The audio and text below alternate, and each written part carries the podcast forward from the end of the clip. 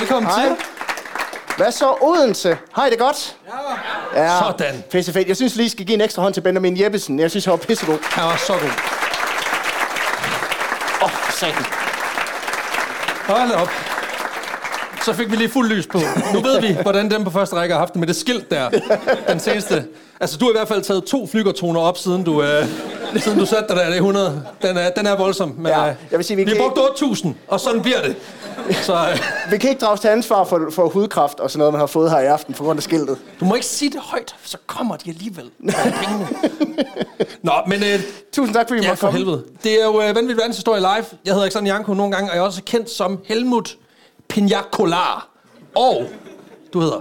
Jeg hedder som altid Peter Løde. Ja, tak.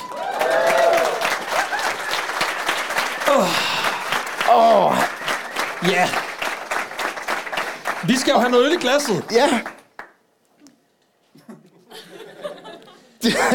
Hey, For en gang Magic skyld... Beer Elf. Vi skal jo have noget øl i glasset. Ja, tak. Ej, hvor fedt, mand.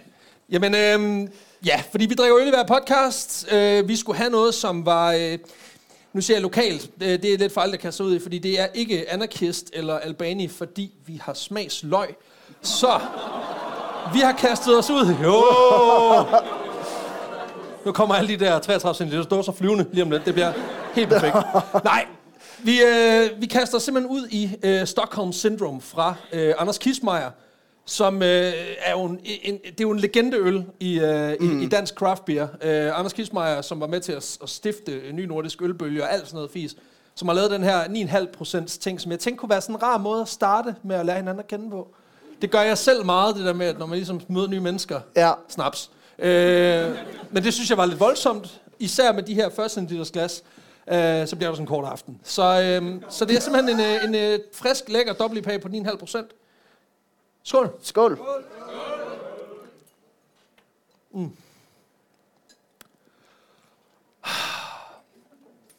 Dejlig frugtig. Masser af bitterhed. Jamen, ja, den er Jeg god. synes, ja, øh, altså...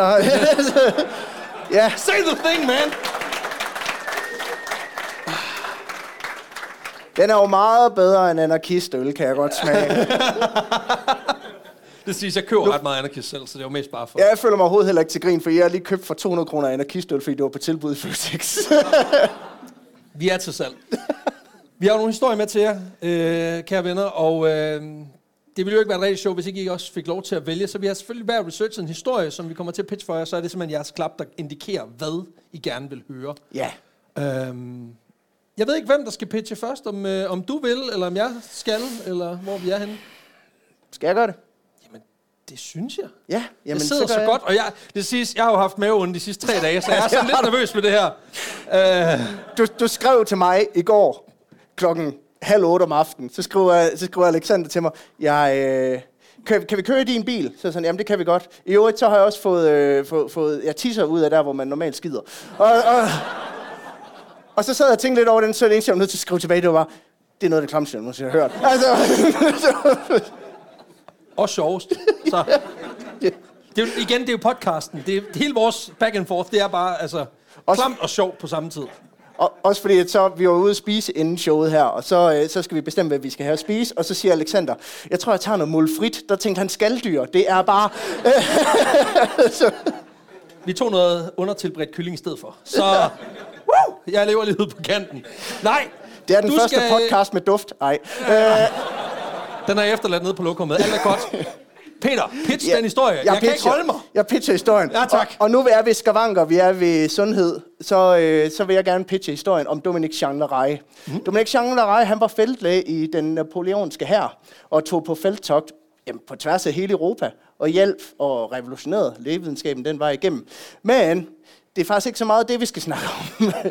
Selvom han opfandt ambulancen, hvilket jeg egentlig synes er en ret vigtig øh, opfindelse. Øhm, det, vi skal snakke om, det er egentlig, at han var, han var en flinker fyr. Han, altså, han var så nice en guy, at Napoleon, han nærmest ville kaste sig i døden for ham. Altså, jeg siger, han har fået Napoleons svær.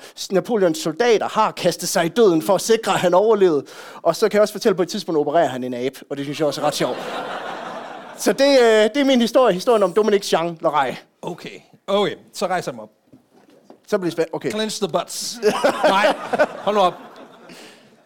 Vi er dygtigere end det. Det skal ikke være proto-jokes alle sammen. Min historie, der vil jeg tage med et smut til Australien. Vi skal til midten af 1800-tallet, hvor øh, Australien sådan set er en kombination af alle de bedste ting, nemlig det er en fangekoloni, og så en masse krypto, der kan slå dig ihjel. Altså den perfekte cocktail. Øh, og grunden til, at det er en fangekoloni, det er mest fordi, at britterne, de, øh, ja, de ligger i sprit i gin og kommer op og slås, og derfor er man nødt til ligesom at ja. gøre noget ved alle dem der, som skal i fængsel. Og man har ikke rigtig plads derhjemme, så tænker man, høj, det er ligesom Rwanda, bare længere væk. Helt perfekt. så kører man dem derned, og i det her miskmask af... Øh, Jamen det er sådan nærmest en, en, en koncentreret fondsaft af kriminelle og folk, der bare gerne prøver at overleve. Der bliver der født en ung gut ved navn Ned Kelly, som bliver en legendarisk hestetyv, bandit, social justice warrior. Og så ender han også med at være sådan en Wish-versionen af Iron Man. Øh, jeg kommer lige til at bygge en middelalderrustning til hans uh, last stands uh, mod, uh, mod ordensmagten. Ja. Så det er, det er historien om, hvad kan man sige, en, en, en mand, der også bliver behandlet rimelig uheldigt af et system, og bliver udsat for nogle, nogle ret... Altså, han bliver dømt ret hårdt for nogle ret små ting, og det hele starter faktisk, nu har jeg fundet ud af, at man skal tage en lille prop med. Det virkede sidste gang med asierne.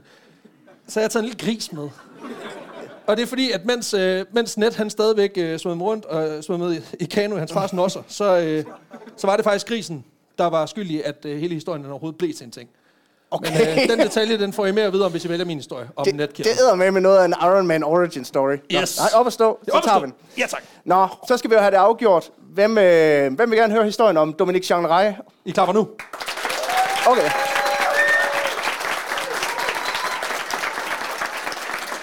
Det er ligesom 8 Mile, det her. Og hvem vil gerne høre historien om Iron Pig? Ned Kelly. Okay. Sådan. This is me.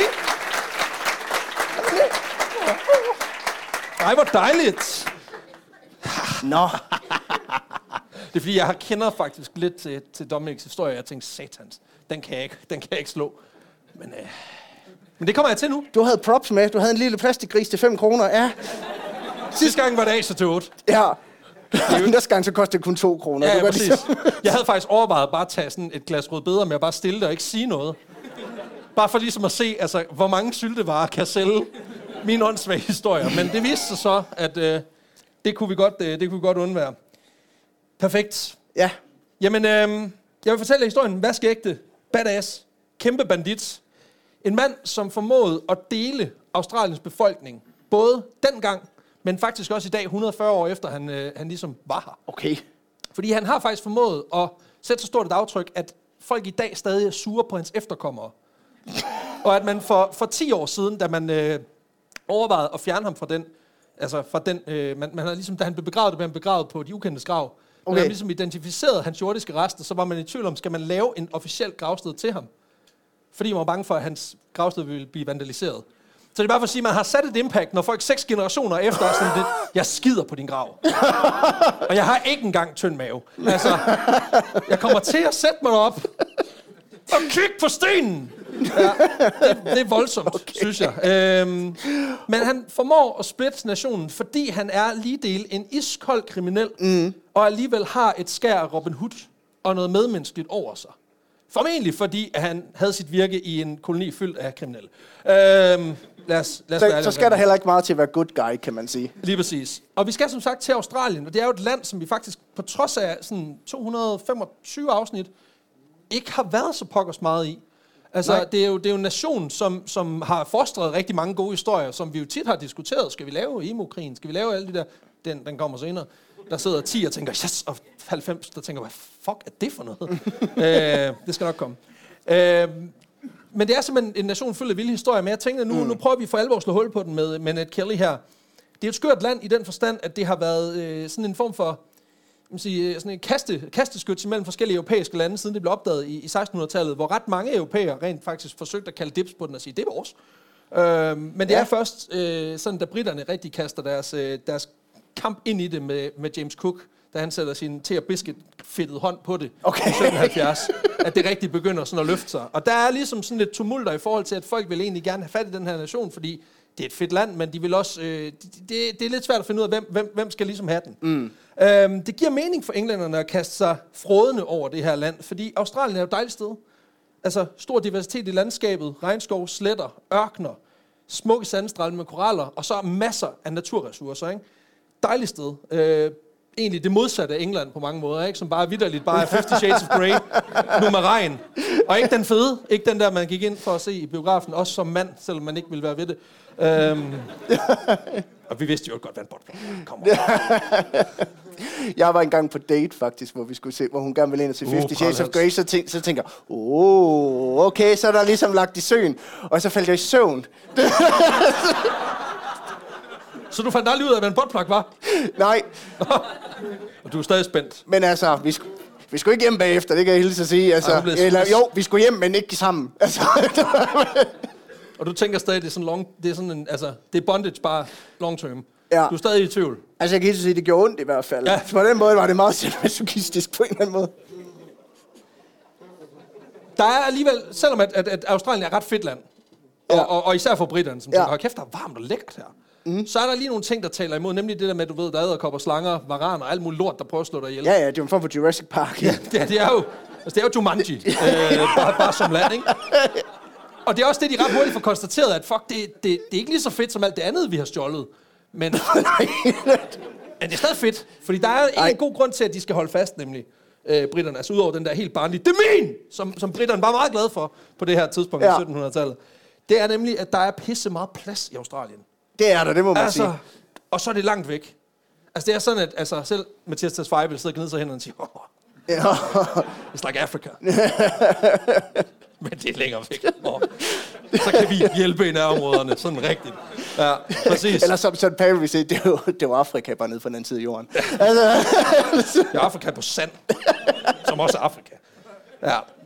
Nej, men, øh, men englænderne, de, de står i en, i en, hvad man siger, en situation, hvor de mm. virkelig godt kunne bruge en fed location til ligesom at deponere nogle fanger, Ja. nogle ballademager, og folk, man egentlig ikke gider bruge sin tid på at deal med, sådan Okay. set. Øhm, en form for udskudscontainer. Falster. Øhm.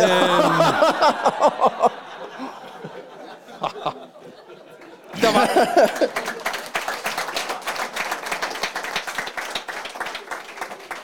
Jeg var fire minutter fra at sige tåsinge, men jeg tænkte bare, den kommer flyvende ned bagfra. Hvis der er nogen, de, noget, de går gode til at kaste med, så er det guldøl. Nå! Nej, men englænderne har... Men de, men de skal stadig have pant med hjem, så du skal lige kaste den tilbage igen, ikke?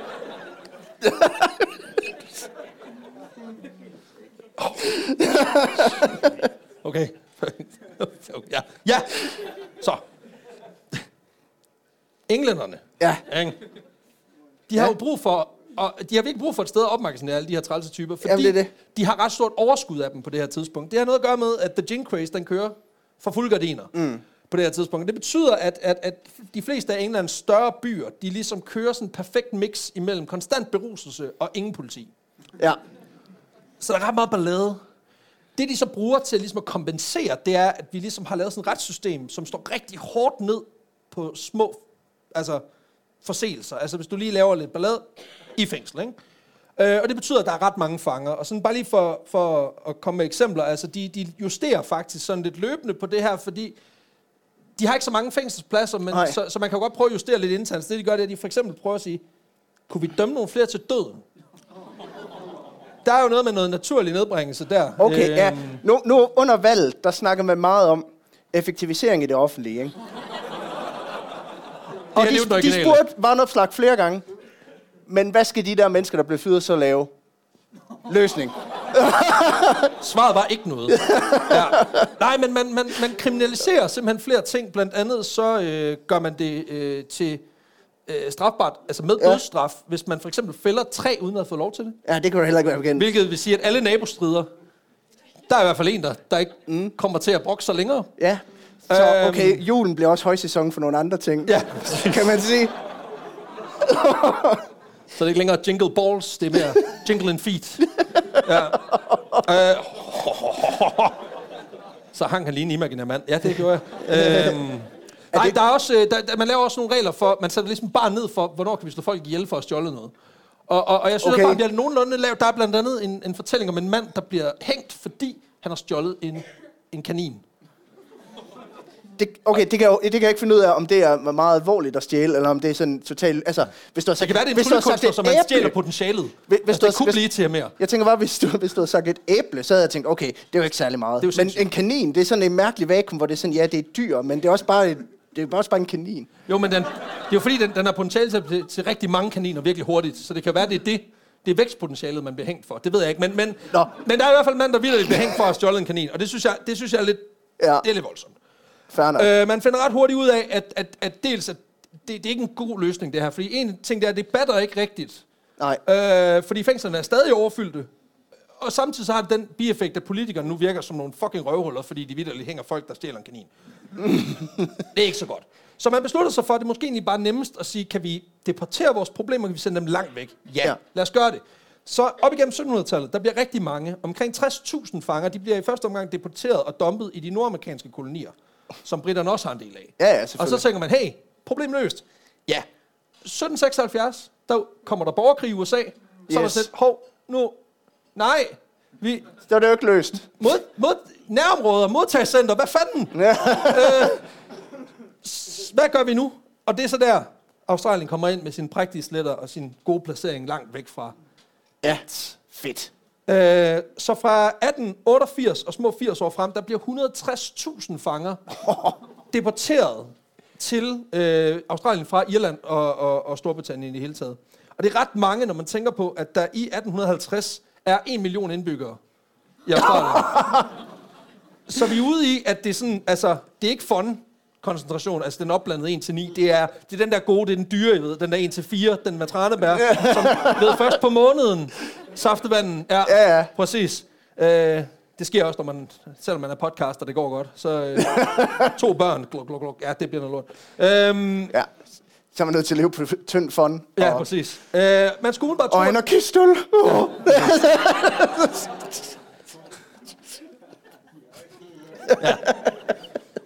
Det er et problem, du har. Øhm, og man skulle jo umiddelbart tro, at den her sådan lidt høje koncentration af, af, Ja. ja. af, man kan sige, af kriminelle, det er et problem. Øhm, men faktisk, så, så går det ret godt. Nå. Det går sgu meget fedt. Nå, det er sgu da fedt. Øhm, altså, går det godt i England, efter de har sat den der? Nej, der går det godt? helvede til, Okay. øh, faktisk. Og det går Øh, godt i Australien. Det går ret godt i Australien, og det har simpelthen øh, noget at gøre med, at øh, de her kriminelle, der kommer til landet, mm. det er jo typisk ikke, fordi de er blevet dømt for noget sådan voldsomt. Nej. Altså det er fordi, de vidderligt har taget, du ved, to Twix-barer, og så Ja. ja. afsted med dig, kammerat. Ikke? Så de har, de har taget en kanin. Ja, ja. Øh, stjålet en kanin, som er det eneste dyr, du ikke må importere i Australien. Ja, ja, præcis. øhm, det er jo så en ting af det, det er, at folk er ikke særlig kriminelle, når de kommer dertil. En anden ting er, at de folk, som rent faktisk kommer derned, de bliver også sat i arbejde, når de kommer derned. Det vil sige, at, at de bliver faktisk sat i gang med at bygge landet op. Både i forhold til, at de driver nogle gårde, som er med til mm. at sikre, at der er nogle fødevarer, men Ja. også ved at opbygge infrastruktur. Så, så det ender med, at Australien faktisk er et ret nice sted at være. Sådan i midten af så 1800-tallet. Det er jo nemt at bygge noget fedt, hvis man ikke betaler folk for det. Jeg ved ikke om... Er der nogle moderne eksempler? Ja. Kommer jeg lige... Nej, nej. Det skal vi ikke ind i. I øvrigt så er det i dag VM starter, hvis... Så Ja, er klaphatten på igen. ja præcis. Den faldt simpelthen af i skam. Det er sygt nok. Øhm, nej, men øhm, det betyder, at, at det, det, det, det kører sgu egentlig ret godt. Ja. Ja, det var sgu da godt. Ja, også fordi rigtig mange af de her indsatte, de vælger simpelthen at blive efter deres straf, den er udstået. Og på den måde så fortsætter de ligesom med at opbygge det her land, selvfølgelig under stram styring af det, de britiske kolonister, mm. som ligesom overtager hele landet i 1827. Øhm, og det er i det her efterhånden sådan etableret land, men med hård styring fra britterne, at øh, Edward Kelly han bliver født i december 1854 Ja. eller 55. Det er man lige lidt usikker på. Nå, okay. Ja. Ja. Øh, det er sådan lidt ligesom i Vestjylland, man er ikke helt sikker, hvornår folk de Nej. det er sådan en registreringsting. Det er lige meget. Altså, det er ligesom med de grise, der kommer, der, det er ikke sikkert, man lige får skrevet ned, hvor mange var der, hvornår kom de til. øhm, Okay. ja. Og han bliver simpelthen født i, i byen Beveridge, i det område, der hedder Beverage. Victoria. Ja, Man blev født i en by, der hedder Drikkevarer. ja. Det er lidt foreshadowing i forhold til hans far. ja, og Victoria, det ligger så nede i det sydøstlige Australien. Bare Ja. lige sådan for, for at have geografien nogenlunde på plads. Han er øh, søn af den irske immigrant John Kelly, Ja. John han øh, blev som 21-årig taget i at stjæle ikke bare én, men to grise. Åh, oh, nej. Ja. At han ikke er blevet dømt til døden, det Ja. er øh, en skandale. Altså, Men, men han slipper mildt. okay. Han bliver deporteret og får 6 års fængsel. Deporteret og... se- Altså, skal han så i fængsel seks år, og så bliver han dep- deporteret? Eller, Nej, øh, det er først øh, meget lang slaveagtig tur, og så Ja. 6 år i fængsel. I Australien? Ja. Okay. Ja, fordi Som de jo ikke er- ham derhjemme jo. Nej, nej. Det er jo det, der er hele ideen, det er, at vi skal have dem væk først, og så må de sidde der, where- wherever. I don't care. Men i, i fængsel betyder det så bare, at han skal bo i Australien? Nej, nej, nej, nej, altså, de har, nej, nej, nej, altså, der, der er mure og sådan noget. Altså, nej, nej, altså, Nå, det, okay. det er ikke sådan, at de bare bliver lukket frit ud. Nej, nej, der, Det er ikke sådan noget i åben fængsel, hvor det er sådan, nå, der er en linje, du ikke må gå over. Nej, Nå, okay. det kunne godt være, at de bare dumpede dem på stranden og være sådan, at ja, du kan bare prøve at svømme hjem, kammerat. altså, der er hvidhajer over det hele. Så har det sikkert ikke så, hvis du så... Hvis du så gør det, så bliver du frifundet. Det, vil være fair. Det tager den lige crawler 18.000 km, så det er okay. Tager den lige okay. rundt om Afrika, ikke? Ja, præcis. US var jo ikke lavet endnu, så den skal du tage på gåben. Det vil være træls. Nej, men øhm, faren han, øh, han bliver altså deporteret, tager seks mm. år straf, og da faren han er færdig, så får han arbejde som tømmer på en gård, hvor han møder Ellen Quinn, som bliver Edwards mor. Okay. Familien er mildst talt sådan ret stor. Edward han er tredje barn ud af i alt otte. Der er syv, der overlever. Okay. Det er bedre odds end i England, det vil jeg bare lige sige. Sådan lige ud fra lidt hurtig statistik, jeg kunne se på dem, vi har dækket før. Ja. Så øh, overlevelsesretten er federe hernede. Det kan være, Og det er noget med det gode Det er vejr. godt. Det skal jeg ikke kunne sige. Den tidlige barndom går, så vidt vides, okay. Men der begynder at opstå nogle problemer i takt med, at Edward, som også nu bliver, bare i dagligtag bliver kendt som Nat, han øh, bliver en, en, en stor dreng. Faren han har nemlig taget lidt for meget af den der irske kulturarv til sig. Øhm, Åh, oh, nej. Ja, og det betyder, det betyder, at han hammer rimelig mange bajere. Ja. Øh, hvilket ikke er skide godt i sådan et lokalsamfund. Dels fordi man bliver ret hurtigt kendt for det, og dels mm. fordi han ikke rigtig er god til at passe sit arbejde som tømmer imens. Også fordi jeg tænkte, det er noget råd at stå med en Ja. sav og søm og sådan noget, når man har en promille på en 1-2 stykker, ikke? Hashtag Randers Problems.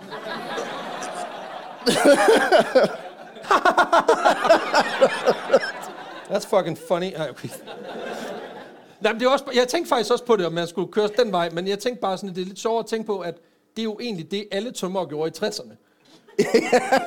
altså, der er, jo, der er jo en grund til, at en standard ølflaske er lige så høj som en standard mursten. Det er fordi, så kan du stille den bag en mursten, og så kan man ikke se den. Det er ikke engang en joke. Det er fandme rigtigt. øh, jeg siger ikke, om det er det der med maskering, men, men højden, den passer. Og alligevel, altså de bygninger fra 60'erne og 70'erne, hvor alle tømmer og, og murer, de drak, de, de står jo rocksteady. Altså, Ja, ja. Så det er, de er kun, det kan være, de har blandet det i mørten, det skal jeg ikke kunne sige. Men det fucking virker. Jeg vil også sige, jeg, så tror jeg, altså, hvis de har gået og gemt de der om bag ved murstenene, så nogle gange så må de have været så fulde, de nogle gange kom til at mure, altså, mure en flaske Nej, ind nu må i... du øh, fejre den ind igen! det kan være, det er derfor, de drak så meget. Det er bare, at der står bare halv slatter. I alle offentlige bygningsværker. Jeg forklarer, hvorfor alle byggerier fra 70'erne, de har skimmelsvamp. Ja, det altså, er bare Carlsberg, der kommer ud igennem væggen. Det kan være, det er derfor, dit kollega det stank så meget. Det var simpelthen, øh, det var simpelthen det rådne op indenfor. Nej, Nej, men, jeg sagde også, det ikke var mig, der stank øl. ja, ja, præcis. Har jeg fandme hørt før. Nej, men det her ry, det begynder også at gå lidt ud over familien. Øhm, fordi de jo... Det er ikke så godt, når far drikker på arbejde.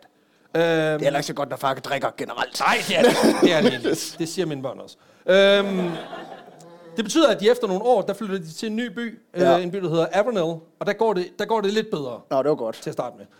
Øhm, det her net, han begynder sin skolegang, og fritiden den bliver så brugt på at udforske bushen, altså de her omkringliggende Ja, ja, ja, ja, natur, ja. som jo varierer meget fra sådan noget steppelandskab til reelle skove og lidt sumbarealer og sådan noget. Der er go- godt og blandet, ikke? Ja. Og der lærer Net og hans øh, ældre Alt det gode fra Minecraft. Det, ja, øh, præcis. Ja. Og det her net og hans brødre, de så lærer sådan en række sådan basic overlevelsesskills, som at fange deres egen mad og lave bål, og ligesom overnatte ude i naturen, og være en del af den. Mm. Øh, hvilket er sådan, altså, det lyder som en meget sund interesse. Ja, det viser det sig også, det kommer ret meget til gavn senere. Net, han er også en, en, en god dreng på det her tidspunkt, og har sig ret tidligt nogle ret gode værdier. Fordi som 11-årig, der redder han en, øh, en anden lokal dreng for at drukne i en, Okay. øh, i en lokal flod. Og det bliver han så anerkendt af, øh, for af, af den, øh, hvad man siger, den lokale myndighed. Hvor han så får sådan et øh, sådan grønt silketørklæde som tak. Øhm, Okay. Ja, det er sådan et, jeg ved ikke, om det er sådan en fashion ting, statement, at man ligesom kan se ham der, han er, han er god. Altså, han har det grønne tørklæde i at redde folk. Så det, det er rigtig godt. Eller om det er sådan en vandrepokal, sådan at øh, på et tidspunkt, Det- når der er- kommer en anden held, så skal du give den videre til ham. Så, Og det vil være træls. Nej, men, øh, men det, det bliver vigtigt, fordi han, han, det ligesom også går igen, øh, i hvert fald sidst i hans, øh, Okay. hans liv. Det er jo også det mest stille af alle hedersbeviser. Øh,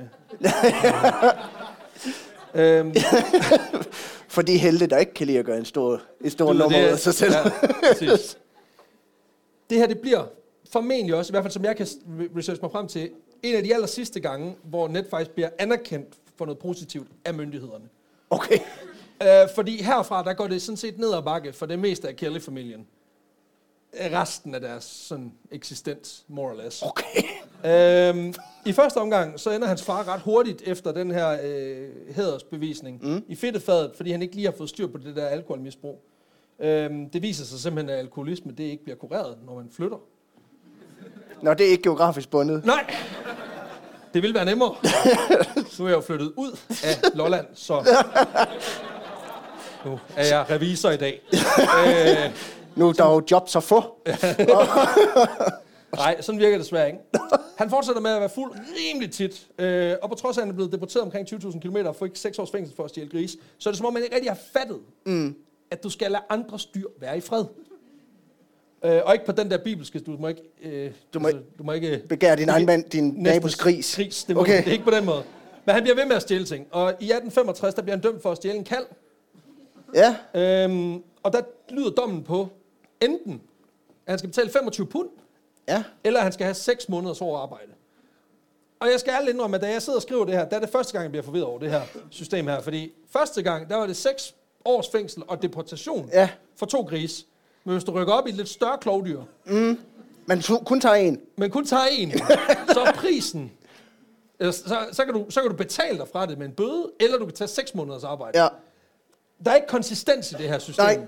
Og det, det viser sig, Og der det, ved jeg, at der er en lytter, der er vild nok til lige at regne ud, sådan, hvad svin til kalv ration i straf øh, rent faktisk er, ikke? Og altså, vi glæder os til at høre fra dig. Jeg tror måske, at der er... Selvfølgelig vi også flyttet location fra England til Australien. Og man kan sige, når en sjettedel af befolkningen de har lange fingre, så tror jeg måske, det er meget smart, at man ikke er too hard on stealing. Ja, ja. Så der kan godt ligge et eller andet i det. Jamen, det er selvfølgelig rigtigt. Ja, familien, de har så ikke pengene.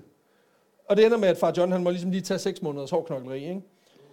Året efter han er kommet ud mm. øh, i 1866, der er han øh, så i polisens søgelys igen. Og det er så mest, fordi han er fuld og tærer sig offentligt. Øh, Er det nu forbudt? er du fra Herning, ikke? øhm, Lige uden for Herning. Ja, du må ikke komme i byen længere. øhm, og kort efter, der dør han desværre druk. Og der er jeg ked af at sige det, men det, det var lidt en downer. Okay. Øh, det gør han, og det er en kæmpe tragedie. Øh, både for ham selvfølgelig, men ikke lige så meget for, for Ellen, ja. altså hans hustru, som nu står alene med syv børn. Ja, men det, han laver det, der hedder en aflomexit. Det, øh, Ja. sådan gør vi lidt uden for Herning. Nå, Ja, den synes jeg også selv var for... Og jeg blev faktisk helt ked af det. Altså. så du har en grænse. også fordi jeg var lidt sådan... Der, hvor det gør mest ondt, det er der, hvor man godt ved, det er rigtigt. ja. Du er i humør i dag, det er dejligt. Nå, men familien de ender simpelthen med at rykke nordpå, fordi Ja. der kan de komme tættere på, øh, på Ellens forældre, som øh, forpagter en større gård, for Okay, simpelthen at få fedt. lidt stabilitet. Øh, det ender også med, at Ellen senere leger sit eget sted, og prøver ligesom sammen med sine øh, børn, de ældste, som jo på det her tidspunkt er tidlige teenager, og, og simpelthen prøver at se, om de ikke kan, kan lave deres eget business ved at simpelthen lave landbrug. Okay. Øhm, jeg tror, de, de leger sådan noget 400.000 øh, kvadratmeter, som er sådan, ja, det er jo så 40 hektar. Og øh, Okay. det viser Hurtig hovedregning lige der. Ja. Det, det er i hvert fald Jylland fornægter sig ikke. Men øh, jorden i området er åbenbart super utilgivelig, og det betyder også, at øh, det, det er virkelig svært at lave god business på det her, mm. for, øh, for den kære øh, Ellen. Så hun ender med at lave sådan en kombineret sådan bed and breakfast koncept, øh, hvor den der breakfast, den er sådan lidt mere flydende og sprittet i det. Ah, Ja, fordi hun begynder simpelthen at, at, at pushe hjemmelavet okay. Og du kan ikke sove. Du kan ikke overnatte. Ah, jo, jo, jo, altså jo, der er en bed and breakfast, Okay. men du kommer også for gin. Altså, Okay, ja. Ja. Øhm, og det er ret hårde vilkår for hende. Øh, og det begynder også så småt at, at, at, det, at vise sig, at, at det der med at skulle hvad man siger, provide til syv børn, drive et, et landbrug, en bed and breakfast, og lave sprit i sin fritid. Okay, ved, ved du, hvad jeg vil kalde et bed and breakfast, hvor man ikke får breakfast, men du får flydende drikkevarer i stedet for? Nej, kom med. Naps and snaps.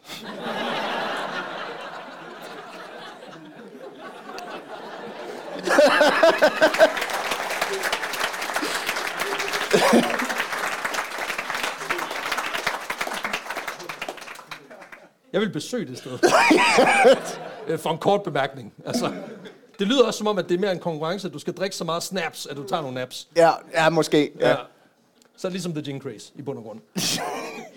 øhm, nej, men det, det, det betyder simpelthen, at, at, at de her hårde og svære vilkår gør, at hun ikke har skide meget styr på de der unger, og det viser sig sgu også, at de måske har arvet deres fars tendenser Nå. til det der med de lange fingre. Ej, hvor træls. Fordi gården får ret tit besøg af øvrigheden, som ligesom kommer og stiller et spørgsmålstegn ved, om de der klovdyr, der nu står ude på markerne, Det er rent faktisk deres egen? Ja. Okay.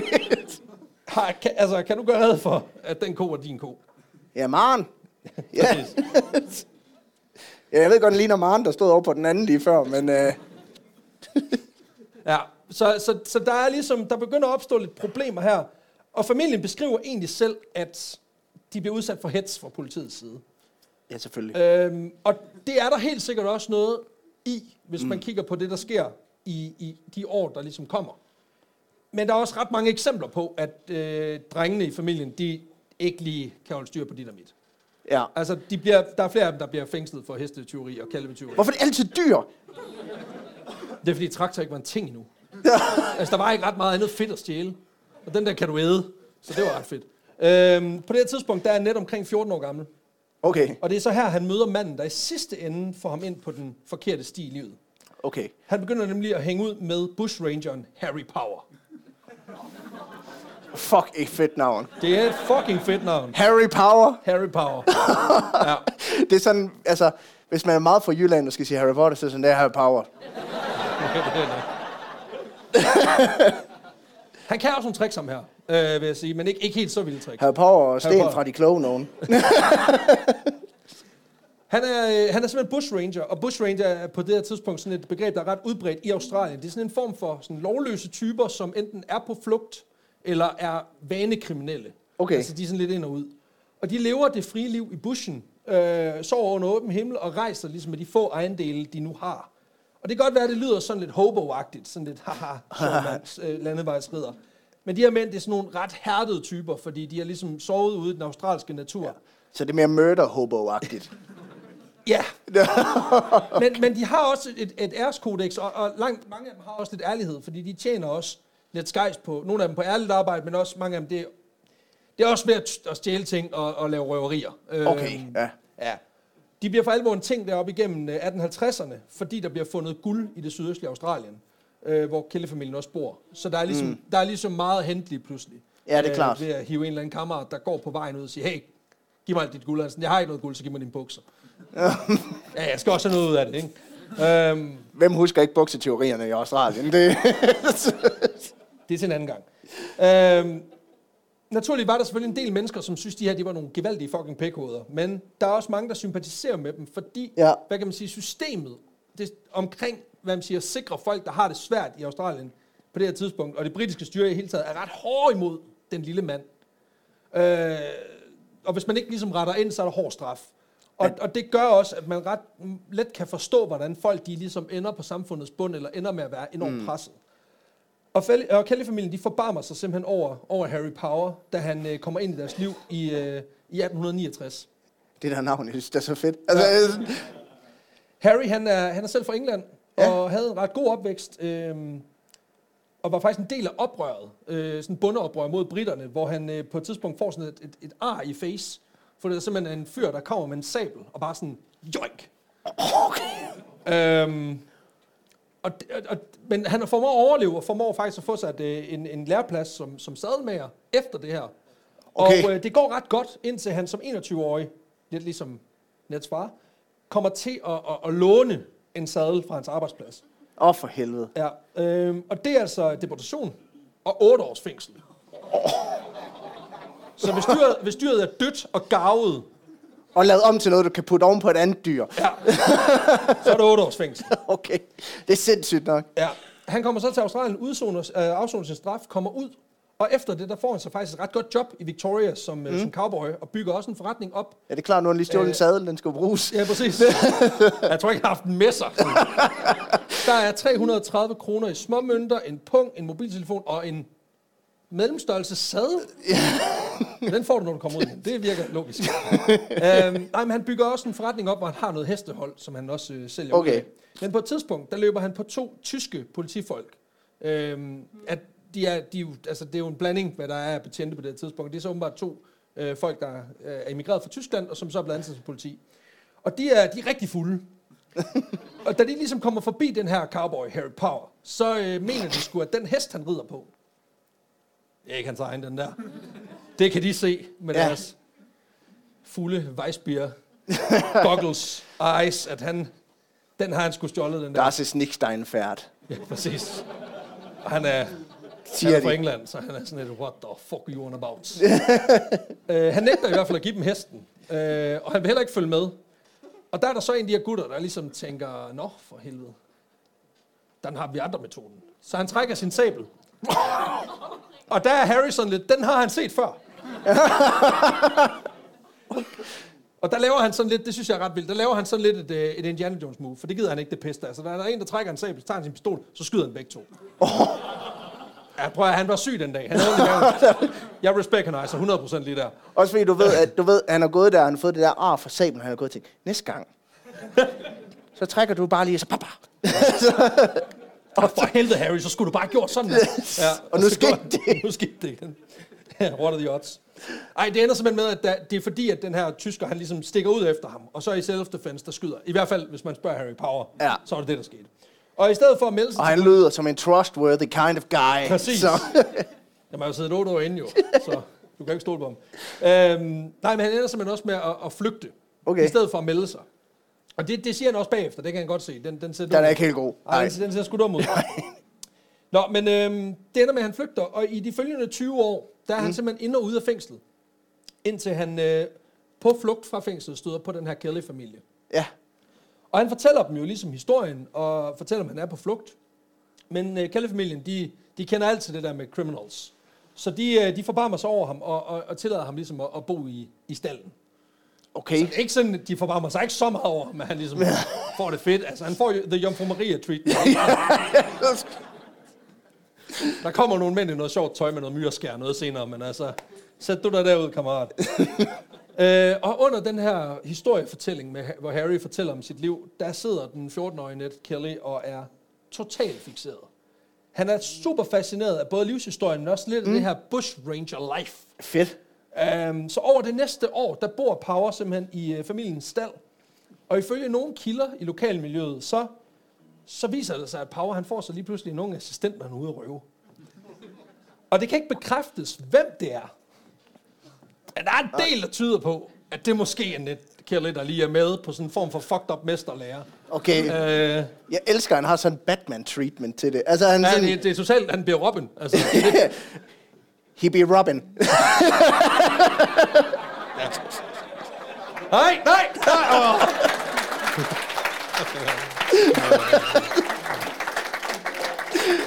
ja. Fuck. Og bor han i sådan en Batcave inde i den der lade der, ikke? Det godt.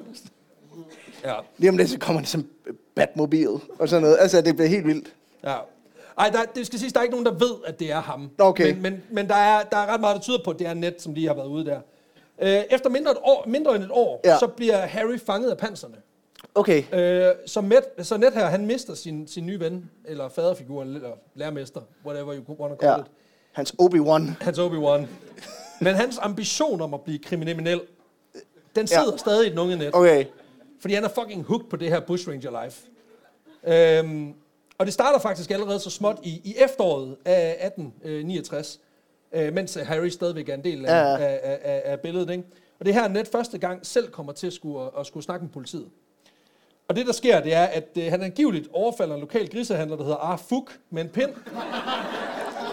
øhm, Hvil- Hvilket også var det, han sagde, da han blev overfaldet med en pind. okay. ja. Øhm, han, øh, han, Hedder han Arfuk? Han hedder Ar Fuk. Ar Fuk. Ja. Han, øh, Okay. Ja. Ah, ah, fuck, kommer gående, ikke? Og så kommer Ned med en pind, og så er han sådan lidt, jeg er en bush ranger. Så vapper han om en, og stjæler 10 shillings fra ham. Okay. Øhm, det, der sker, det er, at uh, Kelly, så er Ned, han bliver hentet på gården. Han er sådan lidt, han står med sine mønter til os. Fuck, det gik godt. Ah, fuck. og så uh, bliver han hævet ind og skal i retten. Og der kommer det så frem, at det formentlig faktisk er ah, fuck, der er problemet her. Det, der er sket, det er, at han har rigtig nok været forbi familiens gård. Og da han ligesom går forbi, der spørger han, om man ikke kan få noget at drikke. Et glas vand Ja. fra brønden. Der opstår så noget tumult imellem øh, Fuk og så Ja. og Nets øh, yngre søster. Øh, de kommer vist lidt op og toppes. Nå. Om det her vand. Jeg ved ikke, hvad fanden der sker. Det, det, det er svært at finde ud af, hvad der sker. Og da Ned så ligesom kommer for at forsvare hende, så ender han så med at få tæv af den her grisehandler, Der hedder Arfuk. Arfuk. Så han bliver prylet af den her, øh, den her øh, grisehandler. Og det kommer frem, fordi der er en række folk, som faktisk er på den her ejendom, som ser, at det her, det sker. Øh, og på en eller anden vanvittig måde, hvor man skulle tro, at det her det ender med, at Arfuk han bliver sat fast for ligesom at tæve en teenager, mm. og har været en kæmpe idiot over for en anden teenager, så ender det faktisk med, at, øh, at der ikke sker noget med ham. Han får lov til bare at smutte, og Nå. så er politiet sådan lidt, øh, hey, net, øh, du er ikke øh, sigtet alligevel, bare smut hjem med dig. Så man kan godt tæve en teenager på det her tidspunkt, Ja, ja. Men hvis du stjæler en fucking gris, så er det fængsel. Der må man kunne omregne en, en form for grise til teenager-ratio for, øh, for straf. Altså. Præcis. Og allerede her synes jeg også, at man begynder at fornemme konturen af, at politiet de er ikke særlig fed, er glade for Kelly-familien. Nej, det kan jeg godt fornemme. Der går så heller ikke ret længe, kan man sige, før politiet igen skal ned på gården og snakke med Net. Fordi i oktober 1870, der kommer han nemlig i søgelyset, fordi en af hans venner har stjålet en hest fra en lokal forretningsmand. Det er sådan lidt, ja, og nu er vi ude i det her, nu er jeg vokset op i en provinsby, ikke? Altså det der med, at vi havde sådan nogle unge knejder, der hvor jeg voksede op, som gik og stjal scooter og sådan noget. Ja, Det er det samme, bare 130 år før i dag. okay. Ikke? Øh, Ned han bliver hævet ind i den her suppedags, fordi han gerne vil hjælpe sin ven. Ja, Og han, hans ven siger, jeg har ikke stjålet noget overhovedet. nej, det er klart. Så det han siger, det er, skulle vi ikke lige have snak med ham, der er kammeraten, der siger, du har stjålet den? Og der, ja. Der, der bliver de enige om, vi kan tage ind og tage en rolig snak med ham. Mm. Men hvad nu, hvis vi gør noget, noget, noget smartere? Hvad nu, hvis vi skriver et brev til ham i stedet for? Ja, Hvor vi lige forklarer ham lidt ting og sager. Så det de gør, det er, at de skriver et brev til ham, altså øh, Ned og hans ven. ja. De skriver til ham, der siger, han har fået stjålet en hest. Så skriver de, prøv at høre, det er fucking løgn. Der er ikke nogen, der har stjålet din fucking hest. og så slutter det lige af med at sende nogle gardine sviner afsted til den her guds øh, gravide kone. Og for Okay. ligesom at cementere øh, det her, så øh, vælger de, og i stedet for at sende brev, så sender de en pakke. Og i den pakke, der er der så lige et par, øh, par tyrnosser også. øhm, jeg ved ikke, om det er sådan et alternativ til den der glitterbombe, du ved, hvor man sender sådan noget... Eller om det er sådan et forsøg på at sige, du har ikke nogen fucking nosser, mand. øh, Det har han jo åbenbart, hvis hans kone er gravid, kan man sige. det er selvfølgelig rigtigt. Da posten den kommer frem, så bliver den her mand, en fyr, der hedder Jeremiah McCormack, han bliver forståeligt nok rimelig hys. ja, det vil jeg også gøre. Så ja. han tager lige ned til net for lige at snakke med ham om, hvad fuck laver du, ikke? Og han møder op på gården, Ja, og bliver mødt af en øh, knytter lige sylten. øhm, ja. det er måske også lidt voldsomt. I stedet for, vil du have en kop vand? Ej, den kender jeg godt. så har du en pind bag ryggen og sådan noget. Det kommer ikke til. Varm. Så da politiet de ankommer, så tager de selvfølgelig net med. Øh, og det er jo rimeligt nok, kan man sige. Han har, vildt, Han har lige slået en mand i han har lige ansigtet. sockpunchet en mand, ikke?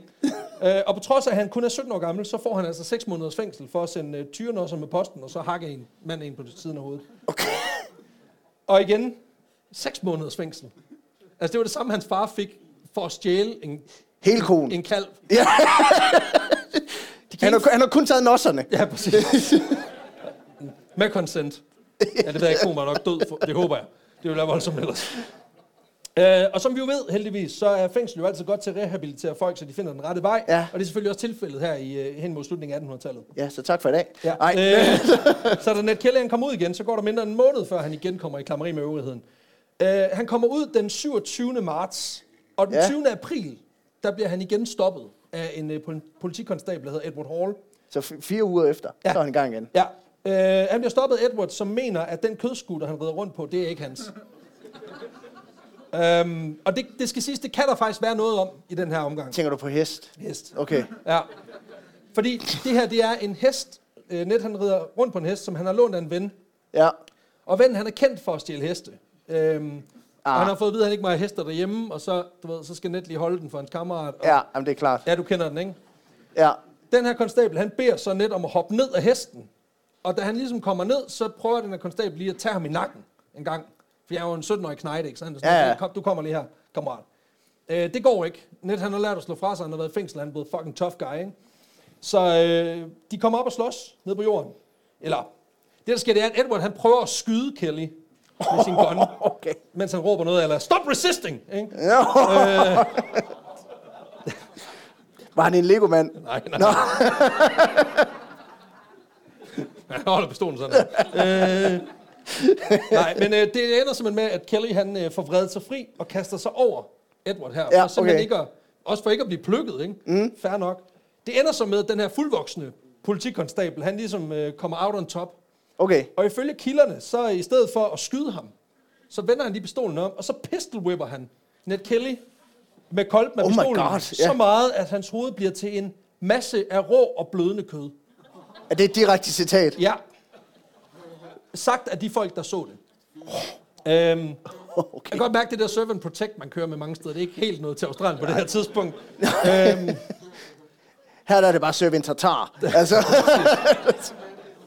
og så kigger han ligesom ned på det, han har fået lavet, den her konstabel, smider lortet ind i en celle, og så kan han lige få lov til at samle sig lidt, bogstaveligt talt, øh, inden, han, øh, inden han igen ryger i retten. Og selvom Net egentlig ikke har en skid med det her tyveri at gøre, for han har ikke stjålet hesten, det kommer faktisk frem i retten, at han sad i fængsel, da den her hest den blev stjålet. det hvilket jo er klassisk forbryder alibi, være sådan, nej, det jeg ikke gjort, jeg var inde og spille jo. Ja, præcis. det virker ikke her, fordi han får tre års fængsel Nå, okay. for at holde en hest. Mens ham, der stjal den, han bliver dømt til 18 måneders fængsel. Jeg begynder at forstå, hvorfor Kelly-familien de synes, at de bliver presset unødigt meget af det her politi. okay. Øhm, Jeg begynder også at tænke, der er måske lidt, lidt hits. Ja. Imens det her sker, der bliver Nets to andre Ja. ja. ældre brødre, de bliver også fængslet for hestetyveri.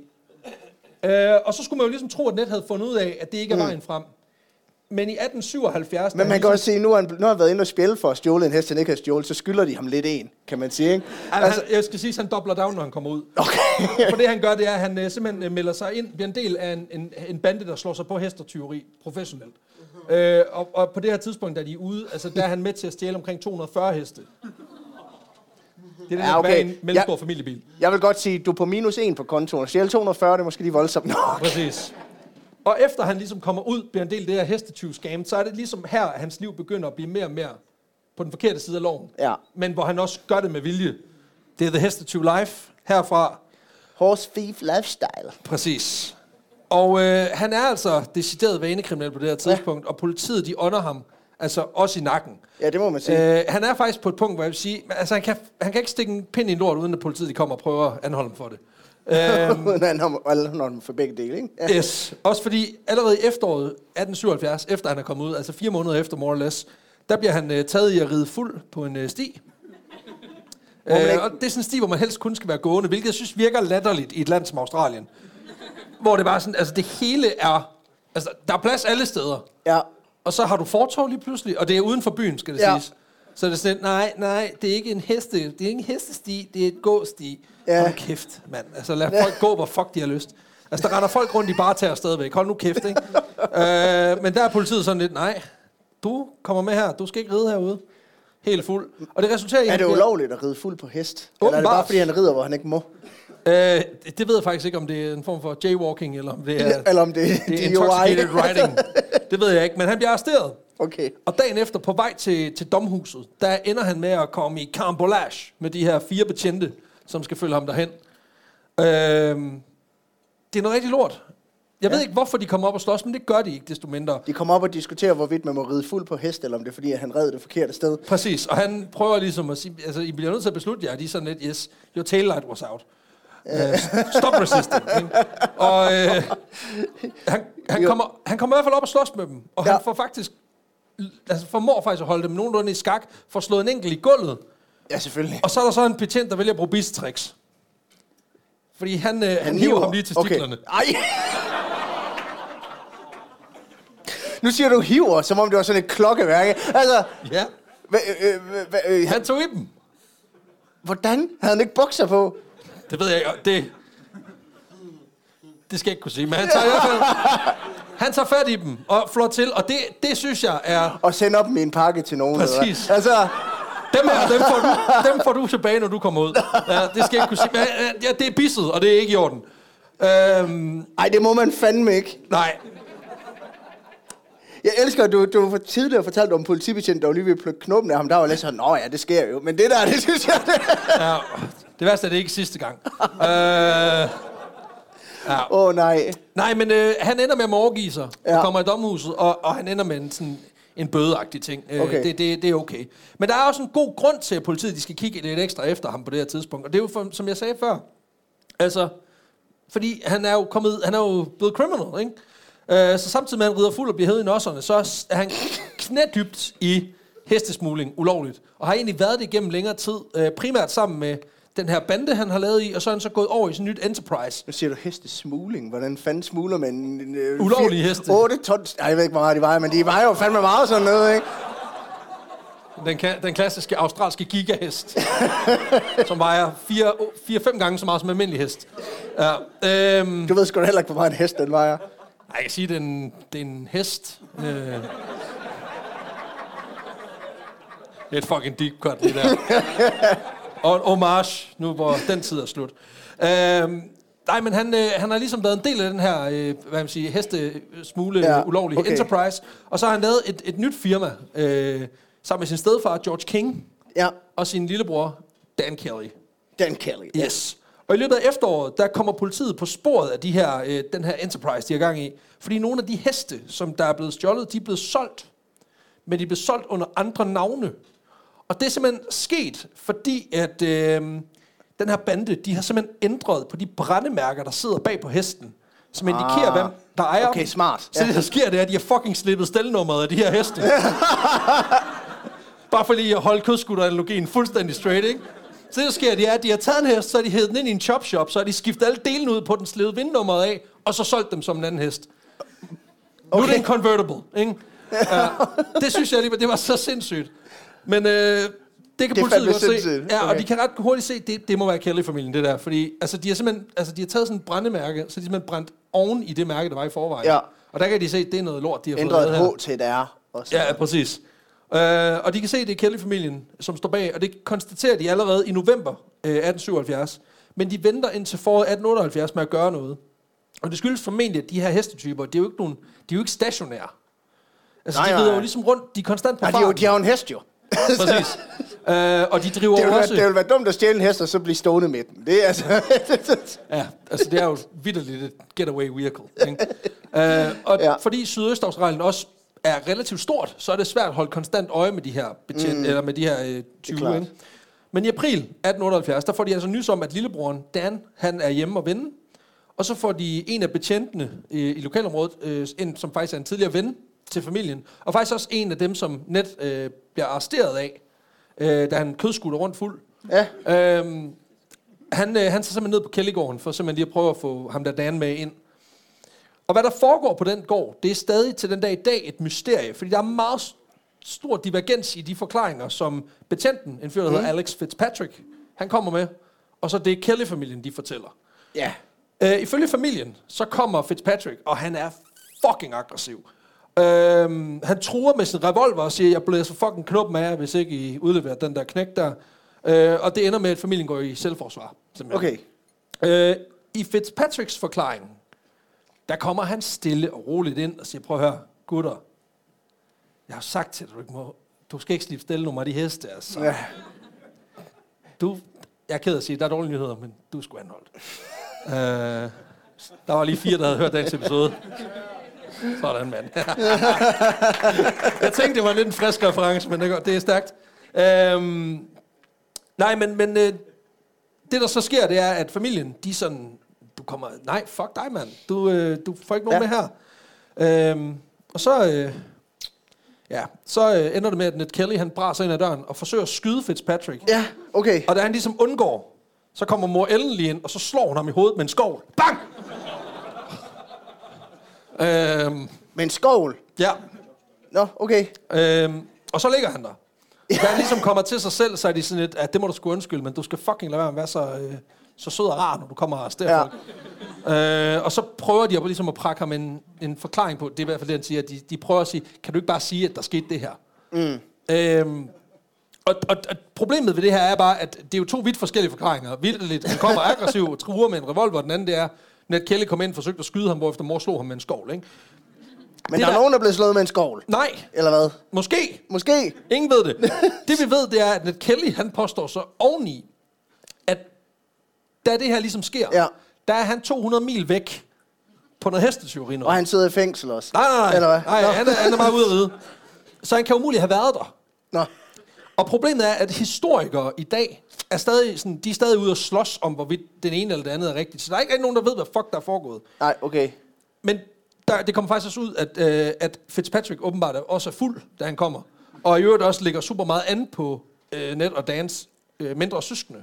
Hvilket er det, der så gør, at de, Okay. at de går forsøger at hvad man siger, forsvare sig. Ja, det er klart. Ham, ikke? Men Okay. uanset hvad, så kan man sige, Fitzpatrick han ender med at flygte fra gården, mm. uden at have fået lillebror Dan med. Ja. Og så har han, hvad der ligner et skudsår på sit øh, håndled. Det er i hvert fald det, han selv siger, det er. Okay. Og fordi han er konstabel, han er betjent, ikke?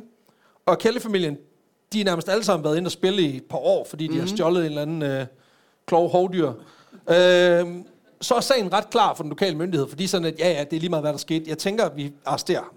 Ja, det er klart. Øhm, så i dagene efter, der kommer politiet tilbage til gården.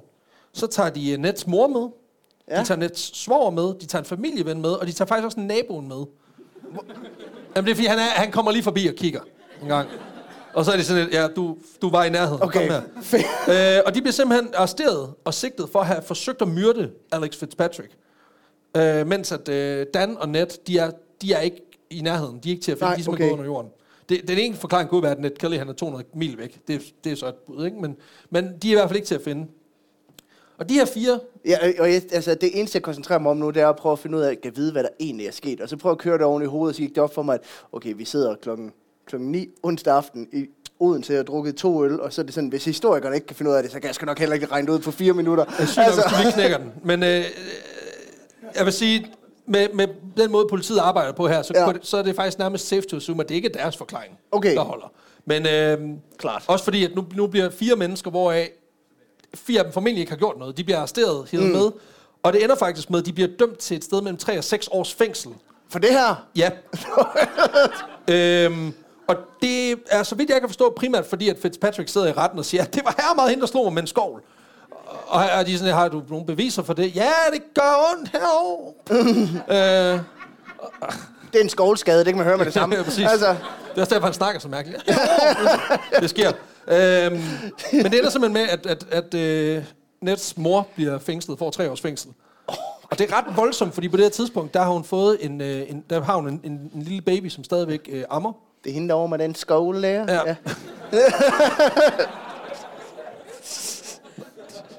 Så den nybagte mor ryger i fængsel. Peter, ja. vi kan ikke lave den slags skift. Det er for voldsomt. Øh, og det er, jo, det er jo noget rigtig lort. Øhm, Ja, ja, det er noget pis. ja. Det, der efterfølgende har givet nogle kontroverser i forhold til hele den her sag, det er, Ja. at, at Fitzpatrick her, han angiveligt har udtalt sig rigtig kritisk om familien. Øh, efter den her, du ved, den her sag, hvor han tager Nettie mm. blevet fuld på kødskutter. Fordi dagen efter, det er jo der, hvor han blev hed i bollerne, der, øh, der er Fitzpatrick faktisk en af de betjente, der tager med på domhuset.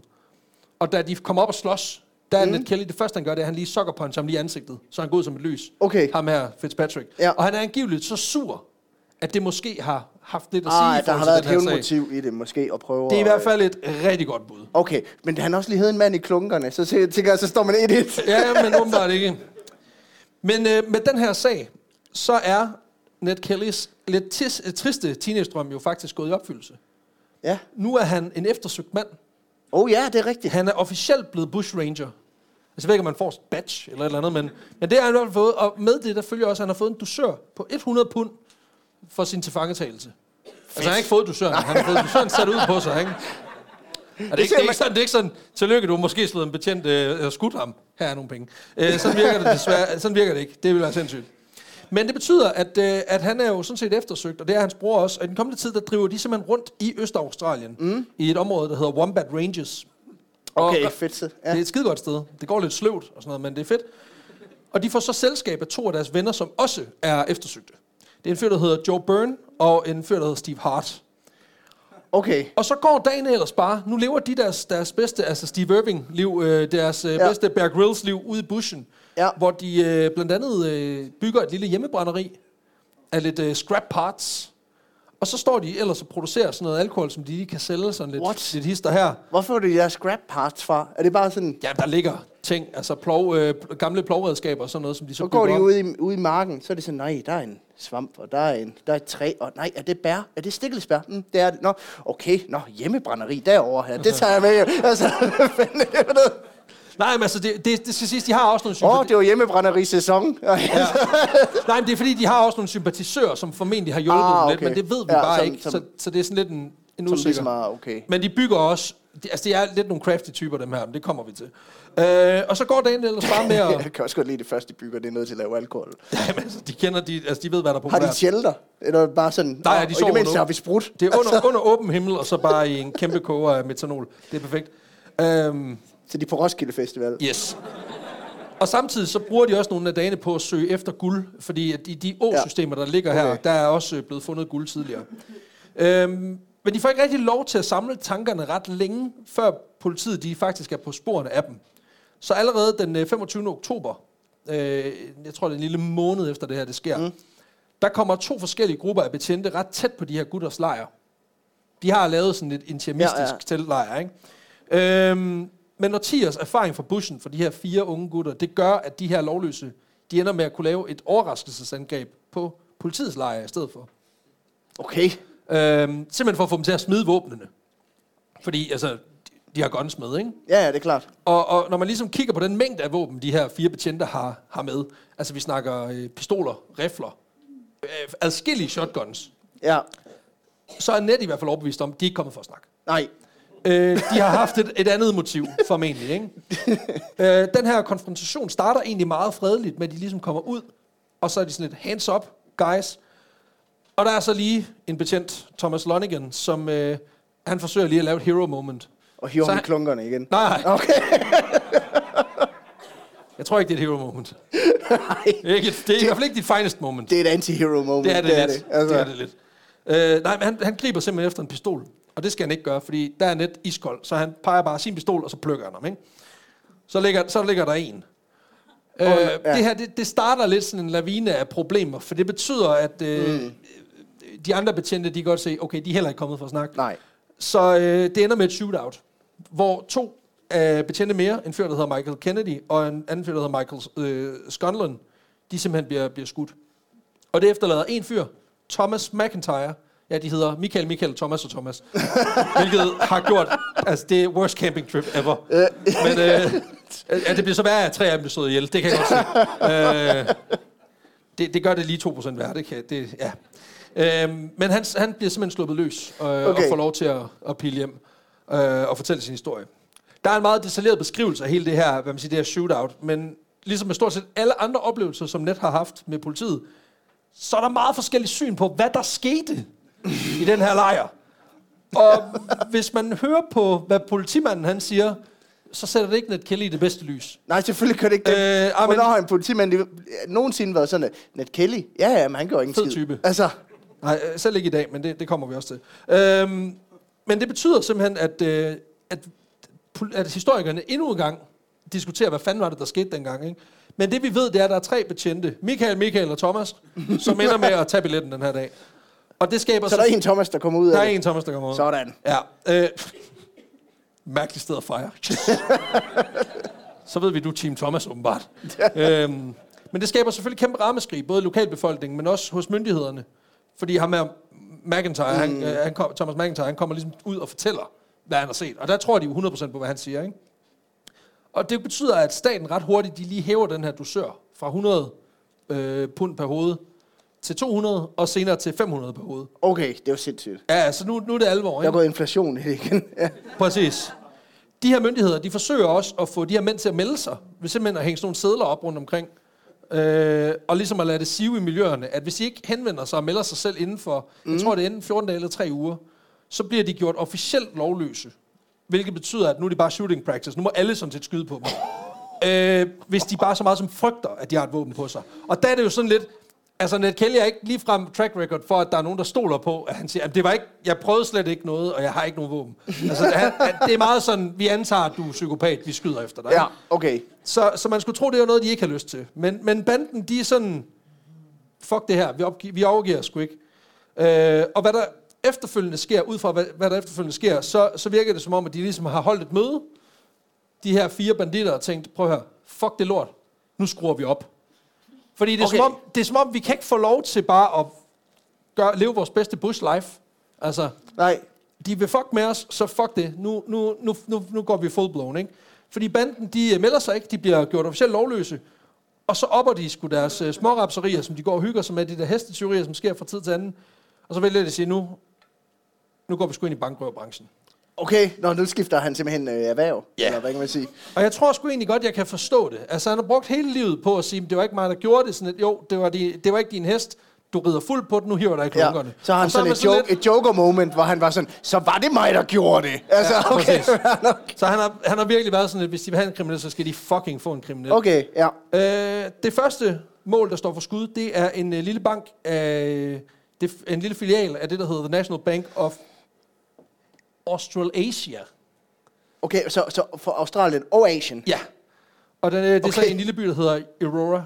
Øhm, det er en forholdsvis lille by, hvor banden de finder ud af, at de kan få let adgang til banken den, øh, den 10. december her i, øh, i 1877, øh, 1878.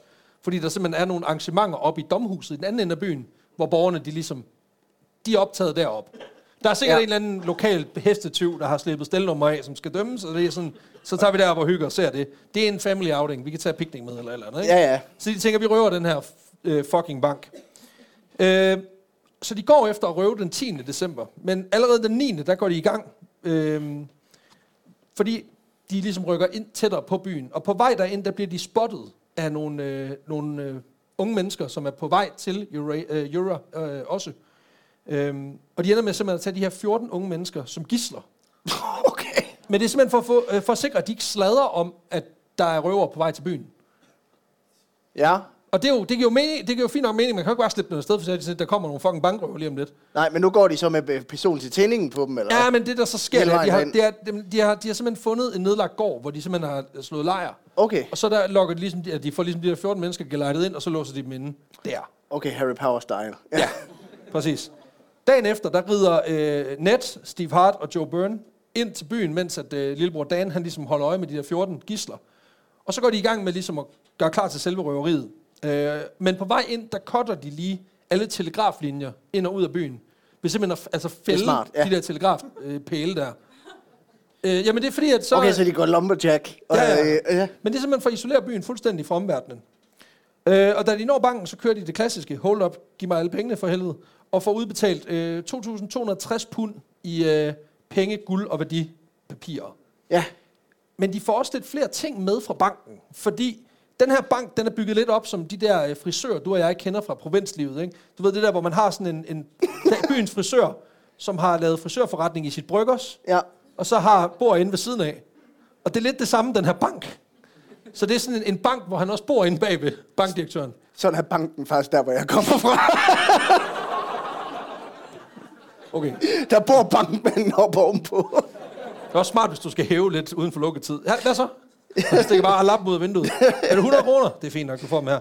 Øhm, Skal du høre om det mest shitty røveri, der blev begået derude på et tidspunkt? kom med den. Ja, der, det var tilbage sådan i, øh, jeg kan huske, det var i omkring år, år, ja, år 2000 eller sådan noget. Og øh, så øh, jeg, jeg, jeg boede derude, og, og det, det blevet et legendarisk røveri sidenhen, fordi vi læste i, øh, i lokalavisen, øh, at der var en røver, der var gået ind. Vi vidste godt, hvem han var, fordi han gik to klasser over os og hed Scooter Jimmy. Og, Stod det i avisen? nej, nej, men det, det vidste man ligesom, da der stod, at han flygtede på scooter, ikke? Og hed Jimmy. Du kunne høre teknomusikken fra det der anlæg, han havde bygget under sædet Ah, hele vejen ned ja. igennem. Ja, også fordi, at den måde, de ligesom fandt frem til ham på, det var, fordi han havde tabt sit dankort inde i banken. ikke? Ej, det var træls. At det, var, altså, det kunne kun have været 2% dummer, hvis man var så, I sætter bare pengene ind her. ja. Ej, det er så dumt, at det. Og det var alligevel sindssygt. Men ja. Ja. øh, stakkels skutter, Jimmy. Hvad må der bliver ham? Det kan være, det er en historie til en anden dag. Who knows? Nej, men øh, det ender simpelthen med, at øh, fordi at den her bank og, og, og lokal øh, øh, bolig her, de hænger sammen, og fordi at bankdirektør, bankdirektør åbenbart er en, er en ja. Ja. mand, så, øh, så er der sgu 14 ansatte, og, altså både i bank, men også i hans private hjem. Han har ret mange ansatte. Så der står de ligesom med de 14 mennesker, altså vi kan jo ikke bare efterlade dem her. Nej, Så dem tager de også som gisler. det var sådan en ferielejr, de Øh, og det ender faktisk med, at, at dem tager de med ud af byen til den her gård også. Ja. Øh, sammen med øh, nogle, øh, nogle jæger, som de også lige er stødt på. Øh, fordi okay. de vil helst ikke afsløre, du ved, at vi har stjålet noget fra banken. Så de ender med at have samlet De 37 ender med at gidsler. stjåle hele befolkningen til gengæld. Altså, hvad er det noget? Jeg tror, så vidt jeg kan forstå, så er der cirka 250 mennesker i byen. De har taget 37 gisler. Det synes jeg alligevel er, er sygt nok. Øh, okay, de har stjålet en femtedel af byen. Det, er, altså, det er måske lige overkanten. det er det. Men til gengæld, så, så får de så også lidt på opleveren, de her gisler. Fordi ifølge kilderne, der er Net og hans folk faktisk rimelig nice over for de her gisler. Nå, det sgu da I hvert fald så går historien på, at de lige laver sådan et, øh, et show med sådan nogle øh, sådan en horse rideshow for de her gisler. Ude foran den her gård. Jeg ved ikke, om det er sådan, at de er spærret inde, og døren er låst, så de kigger ud igennem vinduerne. Det skal jeg ikke kunne sige. Men der findes sådan nogle sketches, der er lavet efterfølgende, hvor der står folk og klapper at de står og rider på he- altså står op på hesten. Jeg vil også rundt. sige, at hvis du er taget til gissel, så har du bare klap, når den laver hestetricks. Sådan Ja, der er, jeg tror, der er nordkoreansk tilstand til det show. Det er selvfølgelig rigtigt. Så Men også, det, altså, det, jeg ved ikke, om det lyder fedt. Altså, sådan, når jeg, de gange, man har været i cirkus, ikke? Altså, det der med hestene, det er jo altid sådan der. ja, Det er der, man henter candy floss, ikke? Altså, Jo, fordi jo. det er, det er jo det kedelige.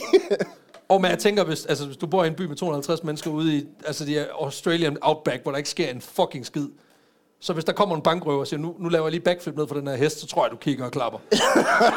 og hvis du stiller spørgsmål om, er der candy floss også, så tror jeg, du bliver skudt lige i ansigtet. også, Så, jeg vil også en by på 250 mænd, det, jeg tror, de får måske lige lidt mere på opleverne i dag, end de havde regnet med. ja, præcis. Men det ender simpelthen med, at de, øh, at de laver sådan et hesteshow for de her, de, de her 37 gisler, og så rider de mod sol- solnedgangen med alt der skulle. Øhm, jeg synes egentlig, det er fint nok, det er en god måde ligesom at tage presset af sådan en lidt stram situation. Lige at sige, Ja, Skal I ikke lige have et show? Altså, det, det, det tror jeg, vi kunne bruge, hvis vi kommer i en beklemt Ja. situation. Skal I lige have 15 skarp? Ja, vi kan altid lige hive et eller andet op om en, øh, en, en mand, der er blevet puttet ind i et bjørnekostyme, eller et eller andet åndssvagt. Øh, ja. Jeg, altid lige jeg, også, op. jeg er også meget spændt på, fordi at, nu kommer jeg lige i tanke om, at du pitchede den her historie på, at han bygger et Iron Man suit. Det er det, jeg sagde før pausen. Det går kun ned ad bakke herfra. øh, og lidt op. Men øhm, efter det her første bankrøveri, så bliver opmærksomheden på banden selvfølgelig mm. endnu større, og dusøren den bliver fordoblet fra 2.000 pund for, de, for the couple, eller øh, for de der fire til 4.000 pund. Så nu er vi oppe på 1.000 pund per hoved. Og politiet de kaster endnu flere ressourcer øh, efter at fange dem. Og det lyder jo alt sammen rigtig godt, og det lyder som om politiet rigtig gør noget, men virkeligheden er måske, at, at det, er ikke helt nok, fordi Nå. altså, de er op imod nogen, der kender bussen ud og ind. Og Victoria, delstaten, er fem gange større end Danmark. Og det totale antal betjente er 217.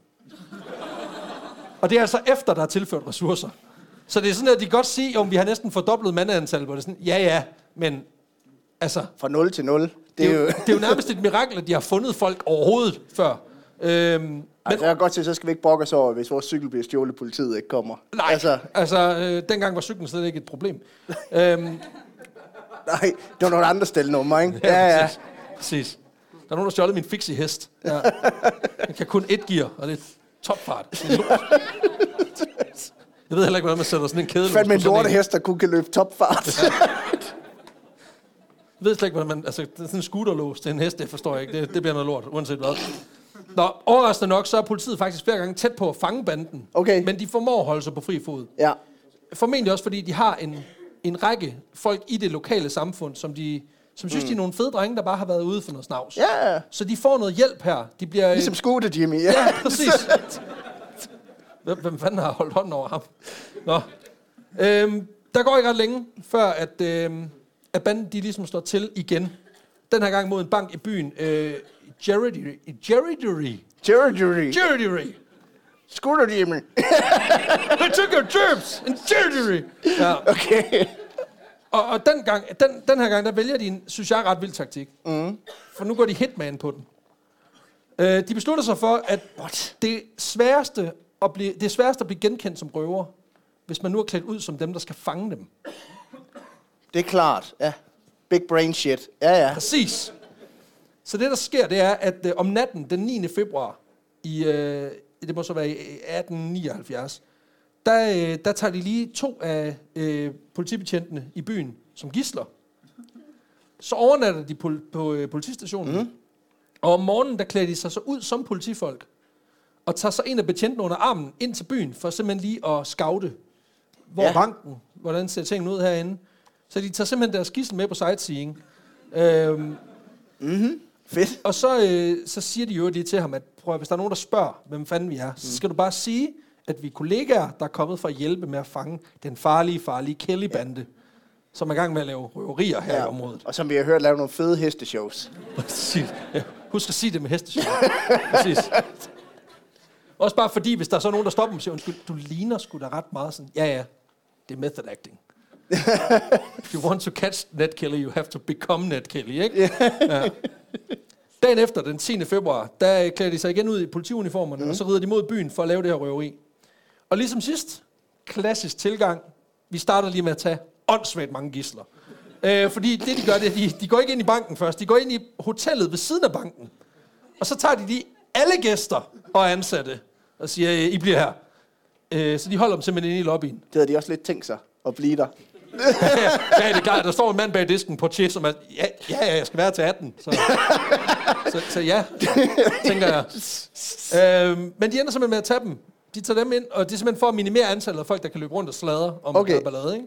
De har så også taget hele, alle politiet til, til gissel, så jeg ved sgu ikke, hvad fanden der ellers skulle ske. Men ikke desto mindre, de tager dem til gissel, og det er så... Øh, det ender så med, at det bliver øh, Ned og Joe Byrne, der skal gå ind i banken, ja. for ligesom at, at røve den. De går ind med hævede pistoler, og efter ligesom at have taget alle i banken som gisler også, mm. så tømmer de også banken for de øh, cirka 2.100 pund, der er i, øh, i banken i penge, guld, værdigenstande osv. Og som sådan en lille ekstra twist, så øh, vælger de simpelthen lige at gå ind i bankboksen og tage alle de skøder, der ligger på øh, ejendomme i lokalområdet, Åh, oh, ja. og så brænder Så de det er hele. Matador-spillet, de stjæler. Ja, men de, okay. nej, de stjæler dem ikke. De brænder dem. de brænder lort, okay. Og det er simpelthen fordi, at Ned Kelly, han synes, det er fucking lort, at bankerne, de har magten over den lille mand. Og det synes jeg på en eller anden måde er meget fedt. Det er, sådan, det er, der, det er jo Okay, der, hvor det det, er der Robin Hood shit, det kommer ind, ikke? måde, ja. Fordi han er sådan lidt, jamen, det, de har sikkert ikke kopier. Så det kan selvfølgelig godt være, det er bare et statement. Men ikke desto mindre, synes jeg, det er meget smukt, den der tanke med, at han sådan ligesom siger, fuck det lort. Fuck den private ejendomsret. Ja, præcis. Kæmpe rebel. Efter det her røveri, så skulle man jo tro, at de her gutter, de vil flygte ind eller helvedes far. De skal ind i bussen, de skal væk. De bliver så lige hængende. Og lige Hele chiller dagen. og laver et hesteshow. Og, hvad? Ah, det bliver bedre end det, fordi det, der sker, det er, at Ned Kelly blandt andet øh, dikterer et brev, han har øh, gået og brygget lidt på. Øh, det, er så, det, det er over 50 sider, øh, hvor han simpelthen får nedfældet hele sin livshistorie, hans livsbane, og det, der ligesom har fået ham til at ende som, som bankrøver. Og det er simpelthen for at, at få ned på papir til eftertiden, hvorfor det gik så galt. Okay, så nogle gange, så, så, så laver de hesteshow for ja. Ja. gislerne. Andre gange, så er det mere sådan noget spoken word. Ja, det er sådan noget, det er sådan noget Yahya Hassan. Nu, Poetry slam. Nu, nu kommer ja. digtsamlingen, ikke? Okay. Altså, det, der, jeg tror ikke, der er lige så mange nøgenbilleder i den her, som der er i Tobias Rahims nye sigt. Men, men, øh, men den er hørt. sikkert også omskåret og flot og sådan noget. Øhm, det ved jeg sgu da ikke. Eller, nej.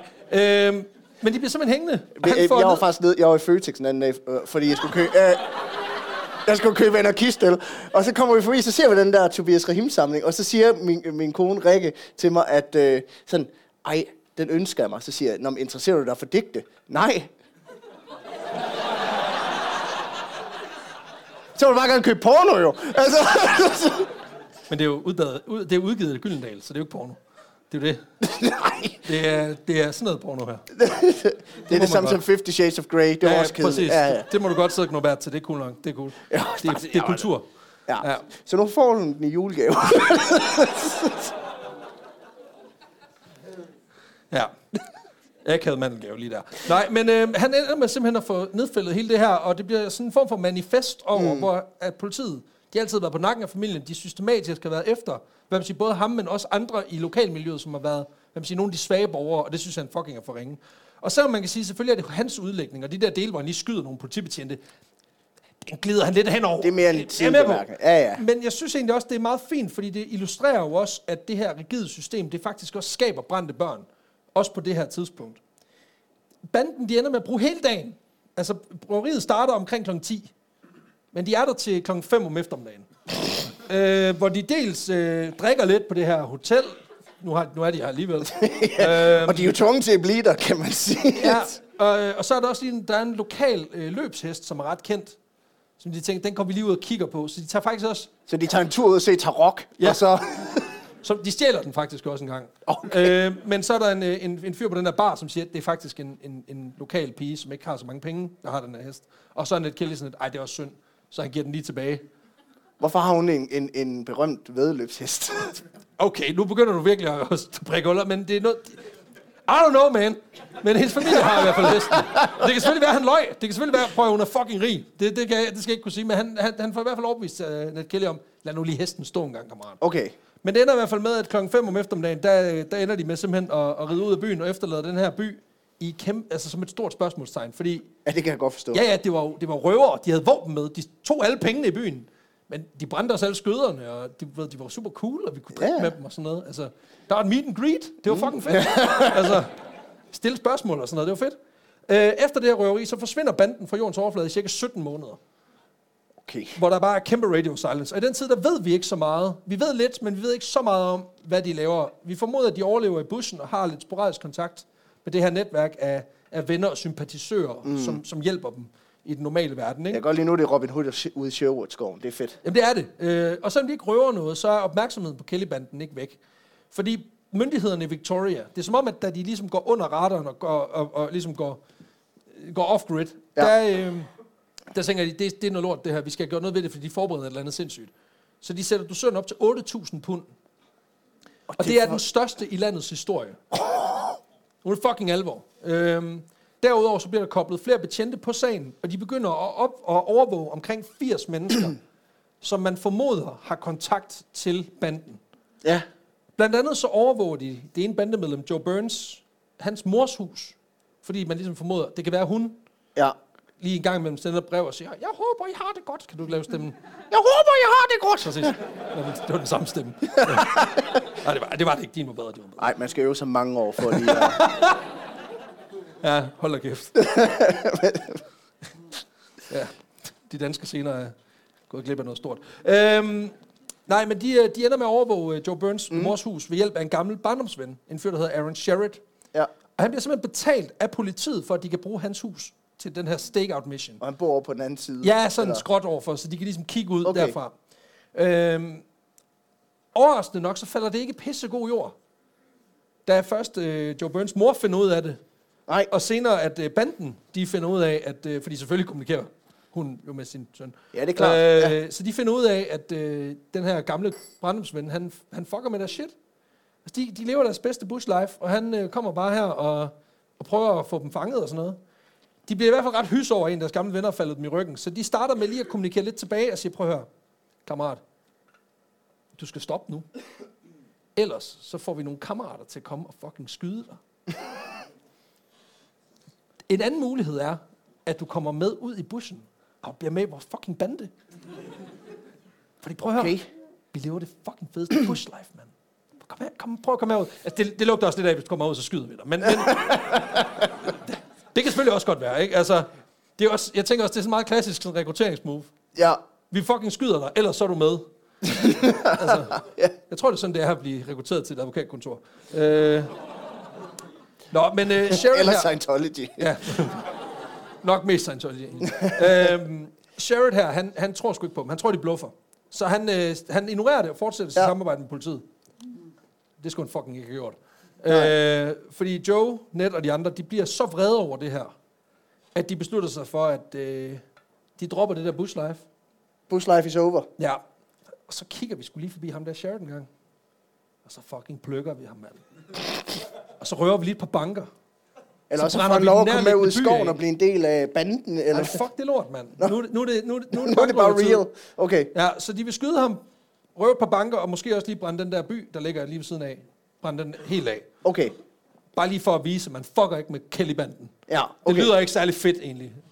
Fucker ikke med Kelly-banden. Uh, uh. Ja, det lyder rimelig meget som nogen, man fucker med. Så den, øh, den 26. juni, øh, der rider Joe øh, Byrne og Dan Kelly ind i øh, Woolshed Valley, som øh, er den, øh, hvad man siger, den dal, hvor, øh, den her, øh, hvor Joe Burns mor bor. Wool- Woolshed Valley. Ja. Jamen, det hele det hedder jo sådan noget med ting, der sker der. Ja. Så her, det, der det er der, ulv falder af. Ulv falder af hernede. Præcis. Og først så øh, kidnapper de en af Aaron øh, Sherrits naboer. Og så får de ligesom ham til at gå op til døren. Ja. Og så lige banke på hos Aaron en gang. Fordi forståeligt nok, baseret på det her med, at de har sagt, at de vil fucking komme og skyde ham, så er han blevet sådan lidt paranoid. Så han lukker ikke op for hvem som helst. Nå, okay. Men når Fornuftigt naboen nok. lige kommer og skal låne en kop sukker, så lukker man op. Så da han lige lukker op, så øh, står Joe Byrne med en shotgun, og den tømmer han så lige ud i masken på ham. Okay. Så han skulle ikke have lukket op. ikke at det har gjort så stor en forskel. Hvis han skudt igennem væggen, så er han nok også blevet ramt. Men, men ikke desto videre, ikke desto mindre, så, så, øh, så er vi ligesom i gang nu. Så han, øh, han ligger øh, på gulvet og lidt ud over køkkenet. Ja. Øhm, Og lidt ind i stuen. og ja, præcis. Og så ved jeg godt, hvad du sidder og tænker.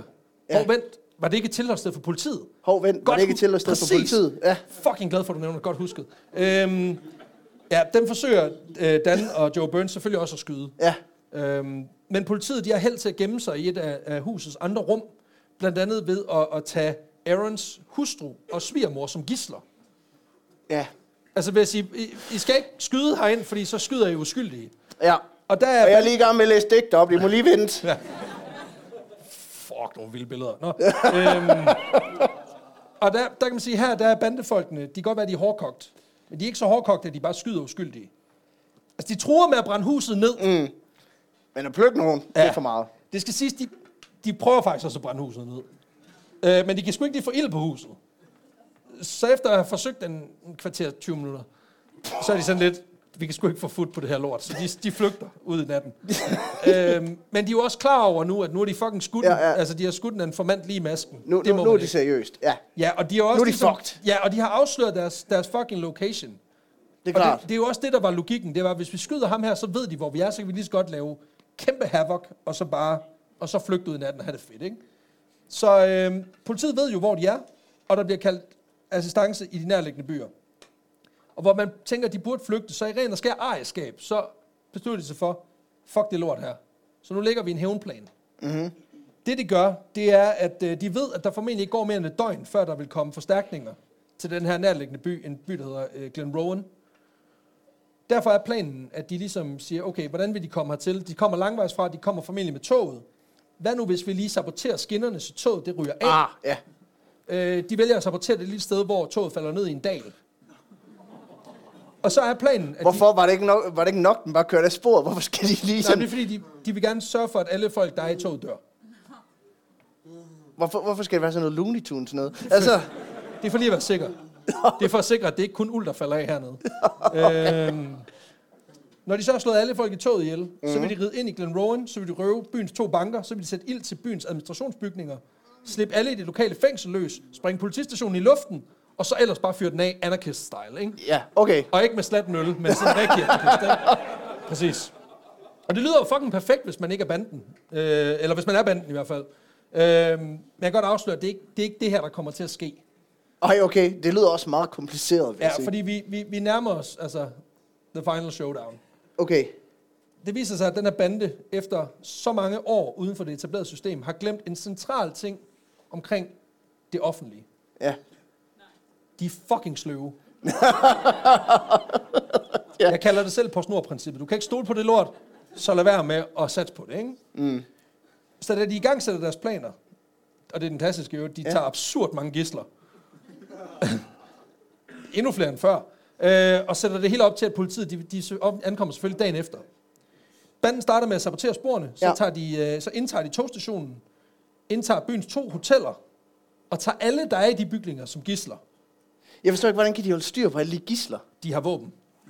Nå, jamen, de skal jo videre på et tidspunkt. Tager de dem bare med videre, eller? Ja, ja, det er et stort hotel. Så de siger, gå derind, eller jeg skyder din mor. Okay, Okay, så går folk nok. Altså på det her tidspunkt, man huske på, der er bush ranger, men de er ikke så udbredt. Nej. Så derfor så er det meget sjældent, der kommer nogen og siger, nu skyder jeg dig. Så derfor tager man det rimelig Ja. alvorligt, når folk de, du ved, Ja, "Nu det er jo ligesom herhjemme, ikke? Altså, medmindre man er opvokset i Randers. jeg."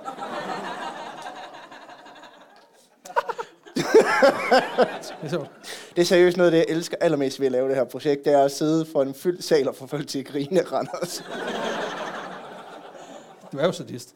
Øh, nej, men... Øh, for helvede, mand. men hele den her plan. Ja. Vi indtager togstationen, to hoteller, smadret guitar, smadret alting, det var bare rockstar. Ja. Gisler. Den er ligesom dimensioneret efter. Panerne kommer søndag morgen, den 27. juni. Ja. Der ved vi, de, de, fordi de har fået beskeden dagen før om, der er fucking en, der er blevet skudt. Send hjælp. Ja. Så selvfølgelig kommer Så de de hurtigt kommer, muligt. ja. ja. Så allerede ved solopgang den 27. juni, der har banden gjort klar. De har samlet 62 gisler på byens hotel, øh, Glenrowan Inn. Og så venter de. Hele dagen. Ja. For der sker ikke en fucking skid. og det er da en lidt akavet situation, det kan jeg godt se. Ja.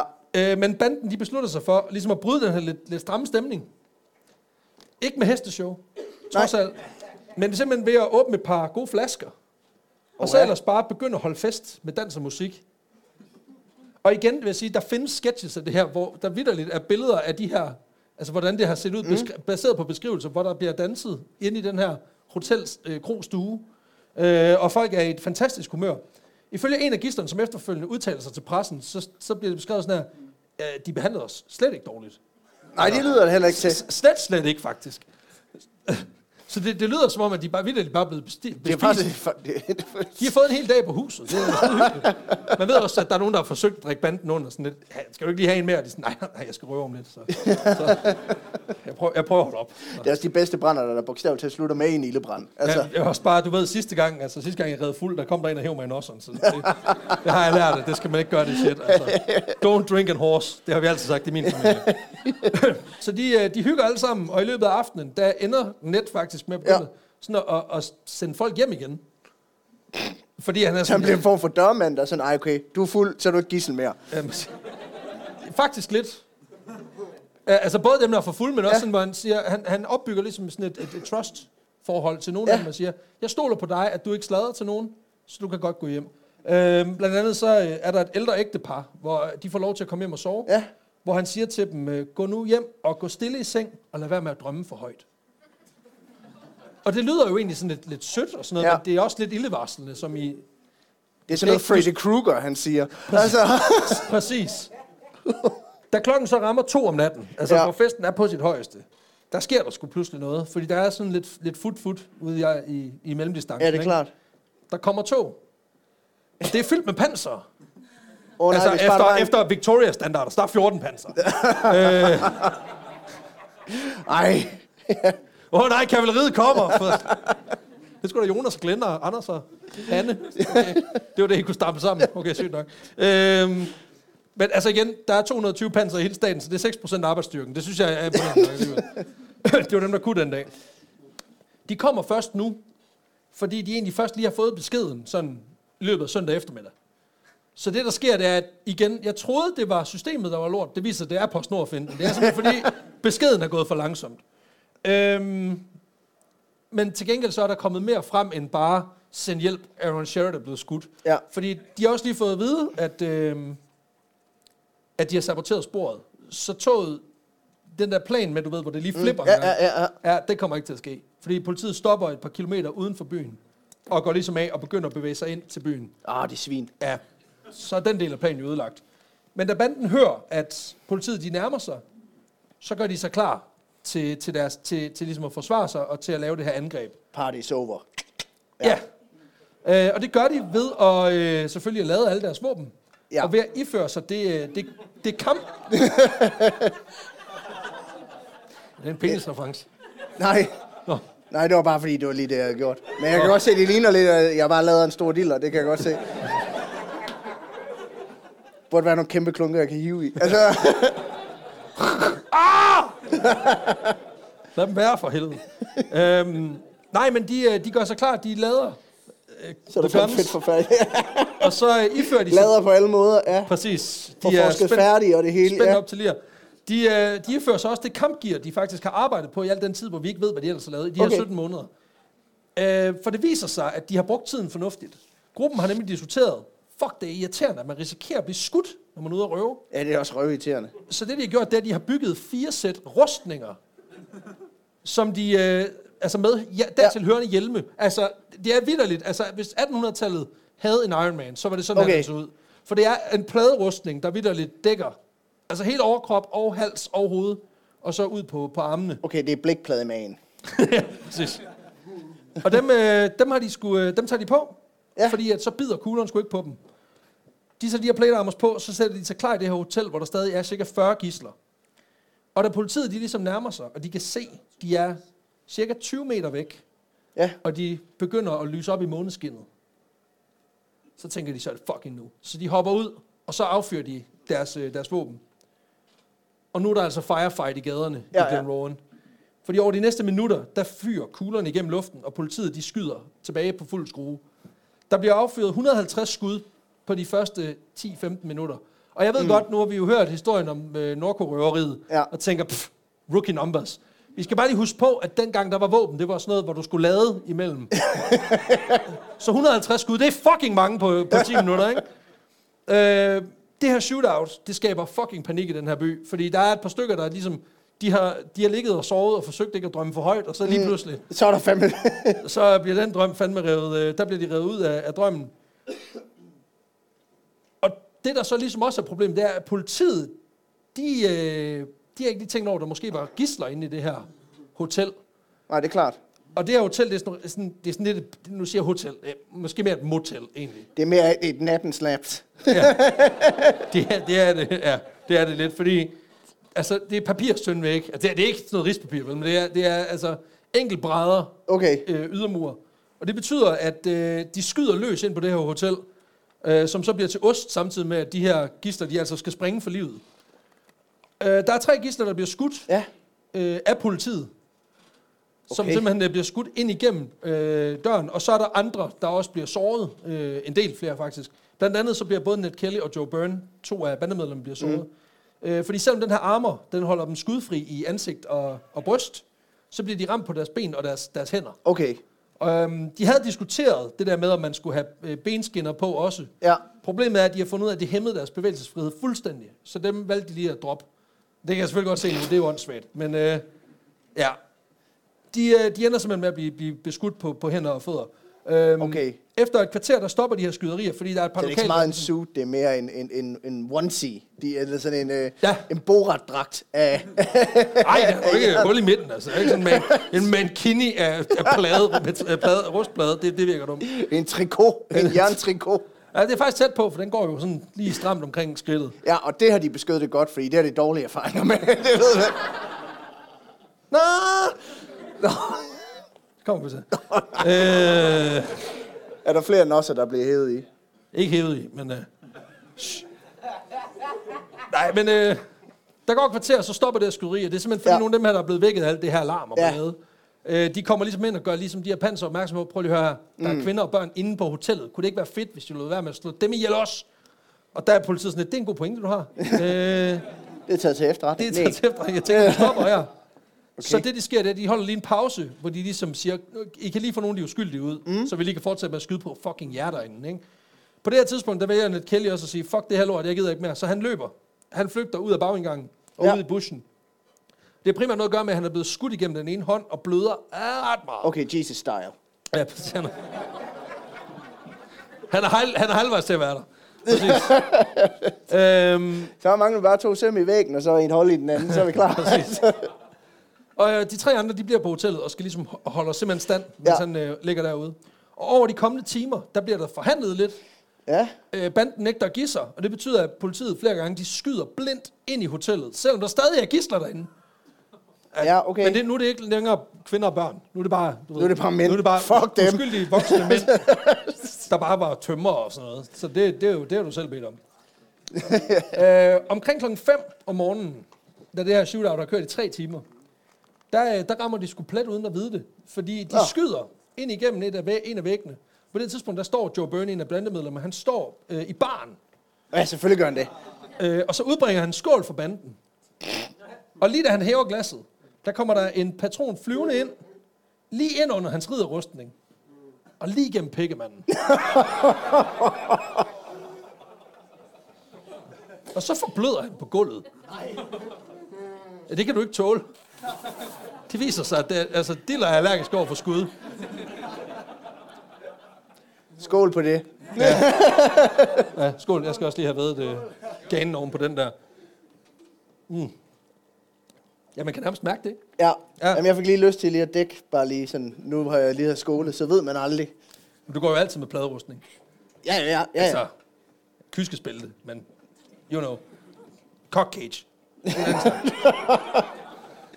Ja, ja. Hver sin lyst. ja, ja. Det er derfor, du sidder og roterer rundt, når vi kører bil. Det, det er også okay. Ja. Nå, men øhm, Hvem var det? Jeg ikke. det er meget. Der er en, der er jo. Han, er, han kender det. Øhm, Har I set den samme syge video inde på internettet, eller hvad? dem alle sammen. En form for POD. Øhm, nej, men øh, mens han ligesom ligger og gør sig færdig dernede, Ja. Så øh, begynder der at komme forstærkninger udenfor. Fordi at politiet er selvfølgelig alarmeret. De har lavet sådan, at alle kalder ud.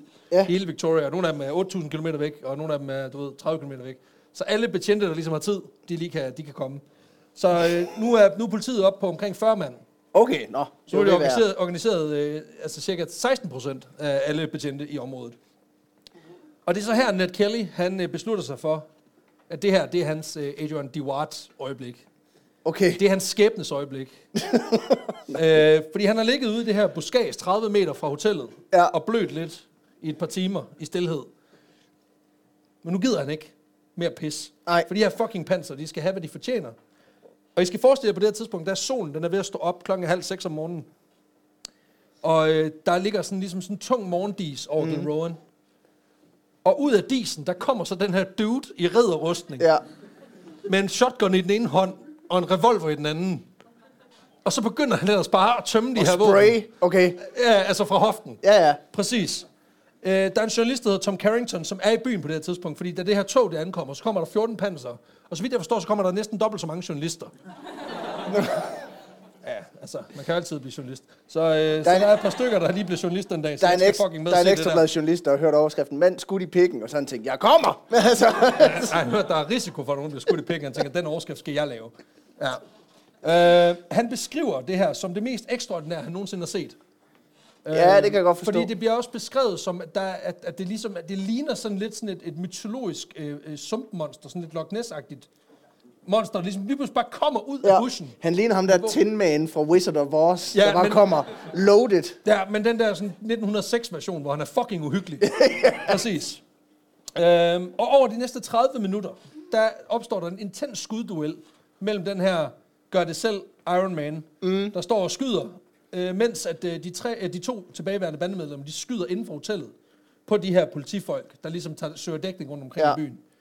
Øhm, det hjælper dog ikke noget. Og til sidst, klokken 7.30, der lykkes det en betjent at stikke hovedet op og tømme to øh, shotguns i Ned Kellys ben. Okay, det er ikke godt. Nu har jeg jo ikke prøvet det selv. Men mit bedste bud er, så lægger man sig. Det gør han i hvert fald. Ja, du kan ikke gå det væk i hvert fald. Nej, det, Altså, præcis. Øh, politiet de får fat i ham, de får ham arresteret, og Ja. får hurtigt en læge til ligesom at tilse ham, og de kan konstatere, at han har 28 skudsår. På, øh, på hænder, arme, ben og fødder. ja, Men brystet, den er helt clean. Så, så det har virket. og pikken, helt fjong, eller hvad? Ja, ja, altså den, Okay. den er stadig blå, efter han er blevet hævet i den. Men, altså, men igen, det er lige meget. Ja, der er lige, man ved, der er, en, der er lige en, altså da lægen han lige er færdig, siger, han skal nok klare sig, lige en betjent er kommet. Wing, wing. jeg kan ikke dø mig. Altså, så det, ja, det er sgu meget sjovt. Det, den er til gutterne. Ja. Øh, men på sindssyg vis, der overlever han på trods af de her 28 øh, skud. Ja, selvfølgelig. Ja. det her standoff, det er ikke slut endnu, fordi der er jo stadig to gutter tilbage. Åh, det er klart. Nemlig uh, Steve Hart og Dan Kelly, som, uh, som altså står hardt på at, at, at holde det her hotel, hvor der stadig er 30 gisler tilbage. Og uh, efter tre timer mere, altså nu er vi oppe klokken 10 om formiddagen, så nu har de kørt på i 8 timer, Ja, der, uh, der lykkes det at få overtalt dem til at lukke de sidste gisler ud. Og det er jo en kæmpe fejl. Så Ja. har du ikke noget at forhandle med. Og der er politiet, de sådan lidt, prøv at høre, okay, nu er der kun to bandemedlemmer derinde længere. Vi har, nu har de lige pludselig fået standarder, nu skyder vi ikke længere derinde. Så det, de gør, det er, at de stikker ild til hotellet. Ud fra devisen, prøv at høre, så kommer de sgu nok ud. især hvis de har sådan en rustning på. Det kan godt blive meget varmt. Præcis. Så er det bare sådan pulled på dåse. øh, og det er jo en fed taktik, det der med at ryge folk ud. Altså, hvis folk kommer ud. Men det gør de ikke. Øh, så da hotellet det brænder ned til grunden, så finder man to dåser. med bandemedlemmer i. Øh, der er nogle historikere, der peger på, at de her to gutter formentlig har taget hinandens liv i sådan en form for suicide pact. Ja, okay. Det er bare et bud. Og det, igen, historikere i forhold til det her, det virker meget som nogen, der bare siger, det kunne jo være sådan her. Ja. Hvad baserer du det på? Brainstorm. Altså. Jeg digter. Det er fedt. Og der havde jeg det sådan lidt, det er fucking mit job. Du, nu skal I holde op. Jeg har ikke brugt fem år på ikke at uddanne mig til historiker, for at der er en, der skal komme og have en uddannelse og gøre mit shit. Altså, det gider jeg sgu ikke. Nå, men med det her øh, fejlslagende anarchist raid mm. af Glenn Rowan, der er Kelly-bandens tid forbi. Åh oh, nej. Ned Kelly, han overlever som sagt, og i oktober, tre måneder efter, der bliver han efter en længere retssag dømt til død ved hængning for at have skudt og dræbt den her politibetjent øh, Lonigan Ja. tilbage, altså fire år tidligere. Ja, ja. Øh, der er jo, som der er nok nogen, der kan huske, der var to andre betjente, der blev skudt den, aften, øh, den dag. Mm. Men der er man sådan lidt, ja ja, men vi skal jo nok få dem dømt for hængning øh, for den ene af dem, så det er lige meget med de andre. Det er jo, Så man blev kun, Igen, dem for, altså- man kun dem for mordet på den ene, så der er bare ingen justice til for de to andre betjente. Nej, men ud fra de domme, jeg har i talesat i den her podcast-episode, så tror jeg godt efterhånden, vi er, vi er inde på, at det der med retsfølelse, det er ikke noget, man arbejder med som sådan. Ja. Altså, man straffer sådan set bare, fordi, ja, ja. Ja. Hvad har du stjålet, siger du? Snickers. Jeg tænker fire måneder. Øh, hvorfor? Fordi jeg er fuld. Så, ind med Man kan også hive dig i klunkerne, og så er det overstået. Altså, 25 gange. Ja. Dommen den bliver eksekveret 1. november 1880, mm. da Kelly han er 25 år gammel. okay. Øh, ja, fandme har fart på. Okay, jeg er 31, ikke? Nogle gange så tænker jeg, hold kæft, du har ikke udrettet meget. Altså, Nej, du har ikke røvet nogen banker, eller nej, jeg slet ikke... bygget en Iron Man suit, eller... Nej, Nej, der, igen, der er mange ting, du kunne have jeg har bare lavet det her. Præcis. Øh, I de efterfølgende år, der lader det faktisk til, at de her tanker, han luftede øh, i det her brev, efter det andet Ja. bankrøveri, men også i den her retssag om, at politiet de udøver massiv forskelsbehandling, mm. at det faktisk bliver brugt til noget. For allerede året efter, i 1881, der bliver der nedsat en kommission til at kigge lidt på, hvordan politiet de behandler folk i Victoria og New South Wales Ja, og hvordan de ligesom behandler folk fra forskellige sociale lag. Og det resulterer i, at der er en del betjente, der bliver degraderet, eller helt bliver fyret fra deres, øh, fra deres stilling. Og det er jo modigt nok, når man tænker på, at de har vidt så nu har 200 de, ansatte. De så er det er sådan, betjente tilbage nu. Præcis. Altså, der er, det, det, altså, igen, det, de er tyndt befolk, eller de, er- de er ligesom tyndt belagt, men man vælger alligevel at sige, det går sgu ikke. Der er noget her, der ikke, der ikke spiller. Øh, og siden dengang, der er Kelly blevet decideret symbol for australierne, simpelthen fordi han repræsenterer den her lidt skøre tid imellem, at landet var en gemen fangekoloni, mm. og så til det bliver et rigtigt samfund. Øhm, også fordi han kommer fra forholdsvis usle kår i en tid, hvor uligheden den var enorm, på Ja. grund af blandt andet den her øh, dels lovgivning, forskelsbehandling i samfundet, men også fordi den her guldfeber, den ligesom oversvømmede det her område med rigdommen, ja. Ja. som bare bliver, den bliver ikke smurt, den bliver altså virkelig ikke smurt tynd ud. Altså det er, der er tandsmør herover, og så er der måske lugten af smør herover. Øh, og det, det gør intet godt for samfundsstrukturer. Øh, og der er han jo ligesom sådan en, der skærer lidt igennem, som på trods af sin baggrund har nogle, egentlig basically nogle gode værdier, men også fucker nogle ting op, men han behandler også almindelige mennesker rimelig færre. Han er også meget enhedslisten-agtig. Altså, Siger du, at enhedslisten er bankrøver? nej. Nej, jeg siger, han, Prøv lige, at- prøv lige at, for- at uddybe okay. det den gang. han går ind for øh, at mindske ulighed. Ja? Ja. Han går ikke ind for privat ejendomsret. Nej. Nej. Går ind for, at metoden til at gøre det, der er at brænde hele lorten ned. Det er rigtigt. øhm, I stand corrected. Ja, fair nok, fair nok. Det er det, jeg siger. Maj Villersen er den danske. Den danske Nat Kelly. Hun mangler bare et dårligt udført Iron Man suit. altså, jeg vil sige, hvis hun var kommet ind i den afsluttende partilederdebat, Det vil jeg, altså det, jeg vil, nej, jeg vil nok ikke... st- Ja, åh. Ah. alt hvad du siger, var en opsagt, det praller af. Så længe du ikke går efter benene eller nosserne, så... Det er Ja. mig, der er dronningen af TikTok nu.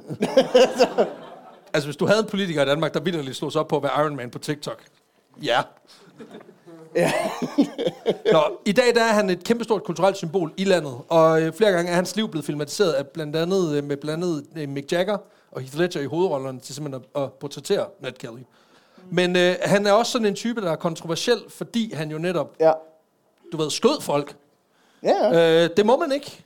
Så øh, da Nå. han, nej, præcis. Og det er jo også det, der gør, at for eksempel der stadig i den dag i dag er kontroverser øh, i forhold til hans grav, øh, i forhold til at nedkom, eller efterkommere mm. af Kelly-familien har oplevet at blive altså, harassed i deres lokalmiljø, fordi din tip-tip-tip-oldefars onkel var en fucking kont. Ja, ja, altså igen, så mangler man virkelig noget at slå, folk på, altså slå på folk for. Altså, der var en gang, hvor sådan, at du har briller, du ser dum ud, ikke? Altså, Ja. det her, det er meget sådan... For 130 år siden, der var din familie en idiot. Okay, okay ro på. Øh, men øh, der er også, altså, centralt set er der også nogen, der stadig er lidt sure. For eksempel så er politiet i Victoria, de holder stadig meget stejlt på, at man altså ikke må se ham som folkehelt. Ja, held lykke med det. Ja, ja, fordi det er jo lykkedes. Øh, og det skal siges, fordi det er sådan set dagens historie, men, men det har virkelig været svært at skrive det her, fordi der er virkelig mange ting, jeg har været nødt til at skære fra, øh, fordi kildematerialet er meget, meget ekstensivt. Blandt Ja. andet har han jo selv beskrevet sit liv på 65 sider, det har jeg læst, men, men jeg har også forsøgt ligesom at, at divergere lidt fra ligesom at sige, hvad, hvad er mest rigtigt her. Og når historikerne fucking ikke engang kan blive enige, så, øh, så synes jeg skulle det have været lidt af en opgave. Så jeg vil bare lige sige, hvis man er sådan en, der synes, at det her det lød spændende, og man godt tænke sig at vide mere, så er der sygt meget materiale derude. Mm. Det her, det var et lille bitte, bitte overfladskris i uh, Ned Kellys historie, men jeg synes, at uh, den, var, den var vigtig og vild at fortælle. Så uh, det var Ja. historien. Tak for det.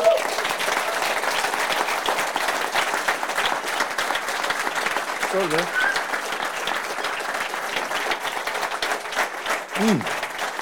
Nå, Nå. Vi skal jo have den på barometeret. ja. Skal jeg rejse mig? Ja, Vil du rejse dig? Skal jeg? Nej, du styrer det. Yes. Ja. Ah! Skrid Næste. ud bukserne. Ikke nu. Ikke nu. Vi kører Godt. din bil hjem, så. Som Det altid, så er det jo øh, os, der giver 10 point, og jer, der giver de resterende 10 point på hver af de fem vanvidsfaktorer, hvis man kan kalde det det. De er der. Vi Det er dem. vildskab, indflydelse, lol-faktor, Uniqueness og extra spice. Jesus Uniqueness fucking Christ, spice. dude. 226 afsnit, mand. Ja. Jeg ved ikke, hvorfor vi... Det, altså, det er fem ting, man skal huske. Der er mange ting, man, skal, man burde kunne huske, men som vi ikke kan have styr på. Men Ja. prøv at høre. Det, jeg synes, det er, det er mig, der har historien, så jeg synes, det er dig, der skal lægge for. Hvor vild Ja. er en Ned Kelly 1-5 og jeg skal give 1 til 5. Yes. Jeg vil godt give ham 4. Det synes jeg også er fair. Altså, det der med, at det er, bare, det er bare en meget lang rejse fra en mand, der vidderligt starter med ikke at gøre noget, fordi der kommer en eller anden fucking grisehandler, der hedder, ah, fuck, og overfalder hans søster. Og han er sådan, jeg har ikke gjort en skid, mand. Og så til, at han låner en hest af en ven og får tre års fængsel. Det er også fucked up. Og så til, at han ender med at bygge ridderrustning. Ja. Så jeg synes, det er... Så det er, det er 8 for os. Ja. Og så tæller vi jo fra 1 til 10, og I stopper bare med at klappe, når I synes, I, skal være, I er ved at være der. Så 1, 2, 2, 3, Tre. 4, 5, 6, 7, 8, 8. 8. 8. 8. 8. Så 16 Så er vi 16 gode. Har vi uh, LOL-faktor. LOL-faktor. Jeg synes godt, han er meget grineren. øhm, alene det, at der er nogen, der vil hedde i klunkerne, så er vi allerede på en toer der. Altså, Det gør, det gør utrolig meget. skud gennem pikken, plus en. Det er en hurtig træer lige der, så jeg skal bare finde en historie, hvor folk de bliver tortureret af balls. Jamen generelt bare kønsdel, det er altid sjovt. Øhm, jeg, vil godt, jeg vil faktisk godt give ham 5 på LOL, faktisk. Jeg synes, 5 han er grineren. Det synes jeg er meget generøst. Nå, Jeg synes, det er pisse sjovt. Nej, det... Øh, jeg, jeg er måske mere på, at, at, at... Altså, fordi problemet er lidt, at han er jo meget upersonlig. Fordi jeg har virkelig prøvet at holde tilbage på... Fordi han... Han virker som meget retskaffen type, så han er ikke så grineren selv. Han bliver bare udsat for nogle sindssyge ting. Så Ja, jeg ja, tror, jeg er, på, sjovt, jeg er på en 4, fordi han siger ikke bare... Hvis han lige havde haft fire fede citater. okay. Men det var ikke. Så, jeg, så det er 9 for os. Ja, og så er det jo Så- jeres tur. 1, 2, 3, 4, 5, 6, 7, 7, 8, 9, 10, 9, 10, 9, 10. Hvad, hvad kører vi? 9. 9. 9. 9. Så det er jo 17 plus 16, det giver 33. Ikke sandt, Odense? Ja, skide godt. I know nothing. um, uniqueness, Yes. hvad tænker vi? Altså, Bush Ranger er jo en kæmpe ting på det her mm. tidspunkt. Og der er også andre, som er nogle kæmpe legender. Ja. Øhm, er der nok den eneste Bush Ranger, der nogensinde er blevet hævet pikken. Men jeg synes bare også... Det tæller også. Altså, jeg vil jeg godt, synes bare ikke, at testikler skal give så meget i jeg den giver ham podcast. to. En for hver testikel, han er blevet heddet. Og så, så er det det. Så du giver, så du giver ikke bare en for et riv? Det er Nej. simpelthen for hver på... Okay, Ej, nu har jeg sygt nok. givet... Ja. Ja, okay, det synes jeg alligevel er... Nej, han kendt, både have for ding og for dong, ikke? Altså, Som man siger. Øh, ja. Jamen, jeg tror også, jeg er på en toer, fordi... Altså, den er... Den, nej, ved du hvad, jeg er på en etter, fordi jeg ved bare, at der... Altså, vilde cowboys, dem er der mange af. ja. Okay, nej, så er der lige... Fuck! Der er sådan, ja, ja, præcis, der er sådan en rustning, ikke? Ja, det er det. Altså, en tur. Det er en tur. Fuck det lort. Det er f- Ja. fire for os. Så en, to, tre, fire, fem, Fem. plus fire, Fire. ni. Det er ni. Det er 42. Yes. Ja. Ja, du regnede forkert før, det er faktisk rigtigt. Fuck! Så hvad er det ja, nu? tre, øh, 43. 43. Ja, tak. Fuck. Det går hurtigt. det, det, altså, ja. Ja. Vi er ikke matematisk studerende, kan man godt sige. Ej, det må man fandme nok sige. Dårligt Ja. nok heller historiske. Nå, Nå, så har vi indflydelse. Han Ja. har åbenbart påvirket livet i Australien ret meget. Ja. I hvert fald sådan øh, hele den måde, deres politisystem fungerer. Og så han, hvis han, jeg synes også, hvis man splitter vandene på den måde, som han gør den dag i dag, det siger noget om, at man har, præcis. man, man har efterladt i hvert fald et indtryk. Og det er også en form for indflydelse. Jeg vil så også sige, altså, når du bliver portrætteret af... Altså, jeg tror, der er lavet fem eller seks film i løbet af de seneste 100 år mm. om ham. Og når man har altså Mick Jagger i hovedrollen i sådan, på den der tidspunkt, hvor han var, var... Det var, du ved, lige før han blev en rosin. Der, hvor han var fed, ikke?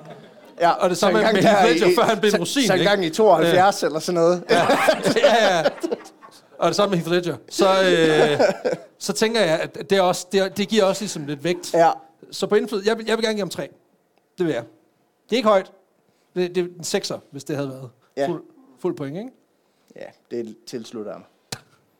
Nogle gange det er så nemt. Ja. ja, det er en god idé. Så det er seks for os. Ja. 1, 2, 3, 4, 5, 6, 7. 7. 7. Ja. Ja, nu stopper jeg også 13. bare med til Så det er, det er, 13. 6, det er 56. 56. Og så har vi jo... ekstra spice. Spas! Jeg synes, Og- at, jeg synes, der er god spice på drengen. Altså, jeg skal jo være helt ærlig og sige, Øh. at når jeg skriver historier, så er det meget det kriterie. Ja, det er det også med mig.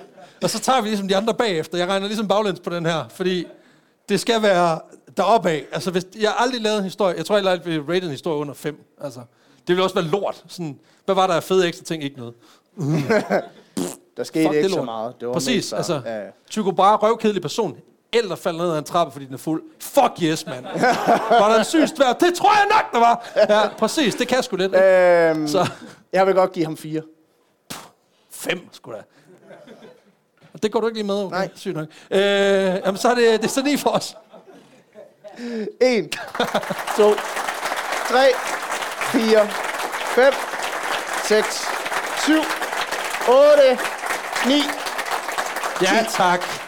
Så, Så det er 19. 19 plus, og det er 19 plus 56. Det er 75. Det er sgu da meget godt. Jo. Øh, men det var jo sådan set uh, alt 75. Ja, Til øh, den dås lort. øh, ej, jeg var fed nok, jeg var fed nok. det var sådan set alt for os i, ja. øh, i dag. Øh, jeg vil gerne sige tusind tak, fordi I lytter med. Det betyder virkelig, virkelig, virkelig meget, at folk de øh, søndag efter søndag, eller mandag, hvis man hører det der, det sådan set også okay. Men, ikke, sådan, ikke sådan pres. Øh, men, men hvad- folk igen og igen tuner ind for at høre det her øh, gak og gøjl, vi laver. Det, øh, det, det betyder virkelig, virkelig meget. Helt vildt. Øh, vi øh, har jo faktisk fem års jubilæum i næste uge, øh, hvilket er ret sindssygt. ja. Ja. Så, øh, og det har været fem kanon fede år. Ikke så meget de der halvanden år, hvor vi ikke producerede noget. Men, men øh, Og det ved jeg ikke. Altså, der har jeg haft en almindelig arbejdsrytme. Øh, ja, du blev far og sådan noget, ikke? Øh, Åh ja, så nej. Ja, det, jeg er med, jeg er med, jeg er med, jeg, er med, jeg ser det. Men det har, Ja. det har virkelig, virkelig været fedt at være med til at, øh, at skabe det her. Og det Ja. har været fedt at lave det sammen med folk som jer, sammen med alle mulige lyttere, der er meget passionerede omkring det, vi laver. Så tusind, tusind, tusind tak for det. Vi skal nok lave et eller andet for at fejre det her jubilæum. Det, øh, vi har lige brainstormet på det i bilen på vej herop, så jeg vil ikke lige sige så meget. Så på den måde der er det jo i den rigtige ånd. Altså, vi har ikke styr på en fucking skid. Men øh, sådan lige et lille detalje, vi, kommer, vi går ud, og så, øh, hvis folk vil hilse på og sådan noget, så øh, gør vi det heller gerne. Så, ja, jeg tror ikke, det bliver udenfor. Jeg tror, det bliver herinde. Det kan selvfølgelig også være. Lad os gøre det dernede. Men øh, tusind, tusind tak, fordi I kom, og øh, vi lytter jo bare ved derude. Mange, mange tak. Moin.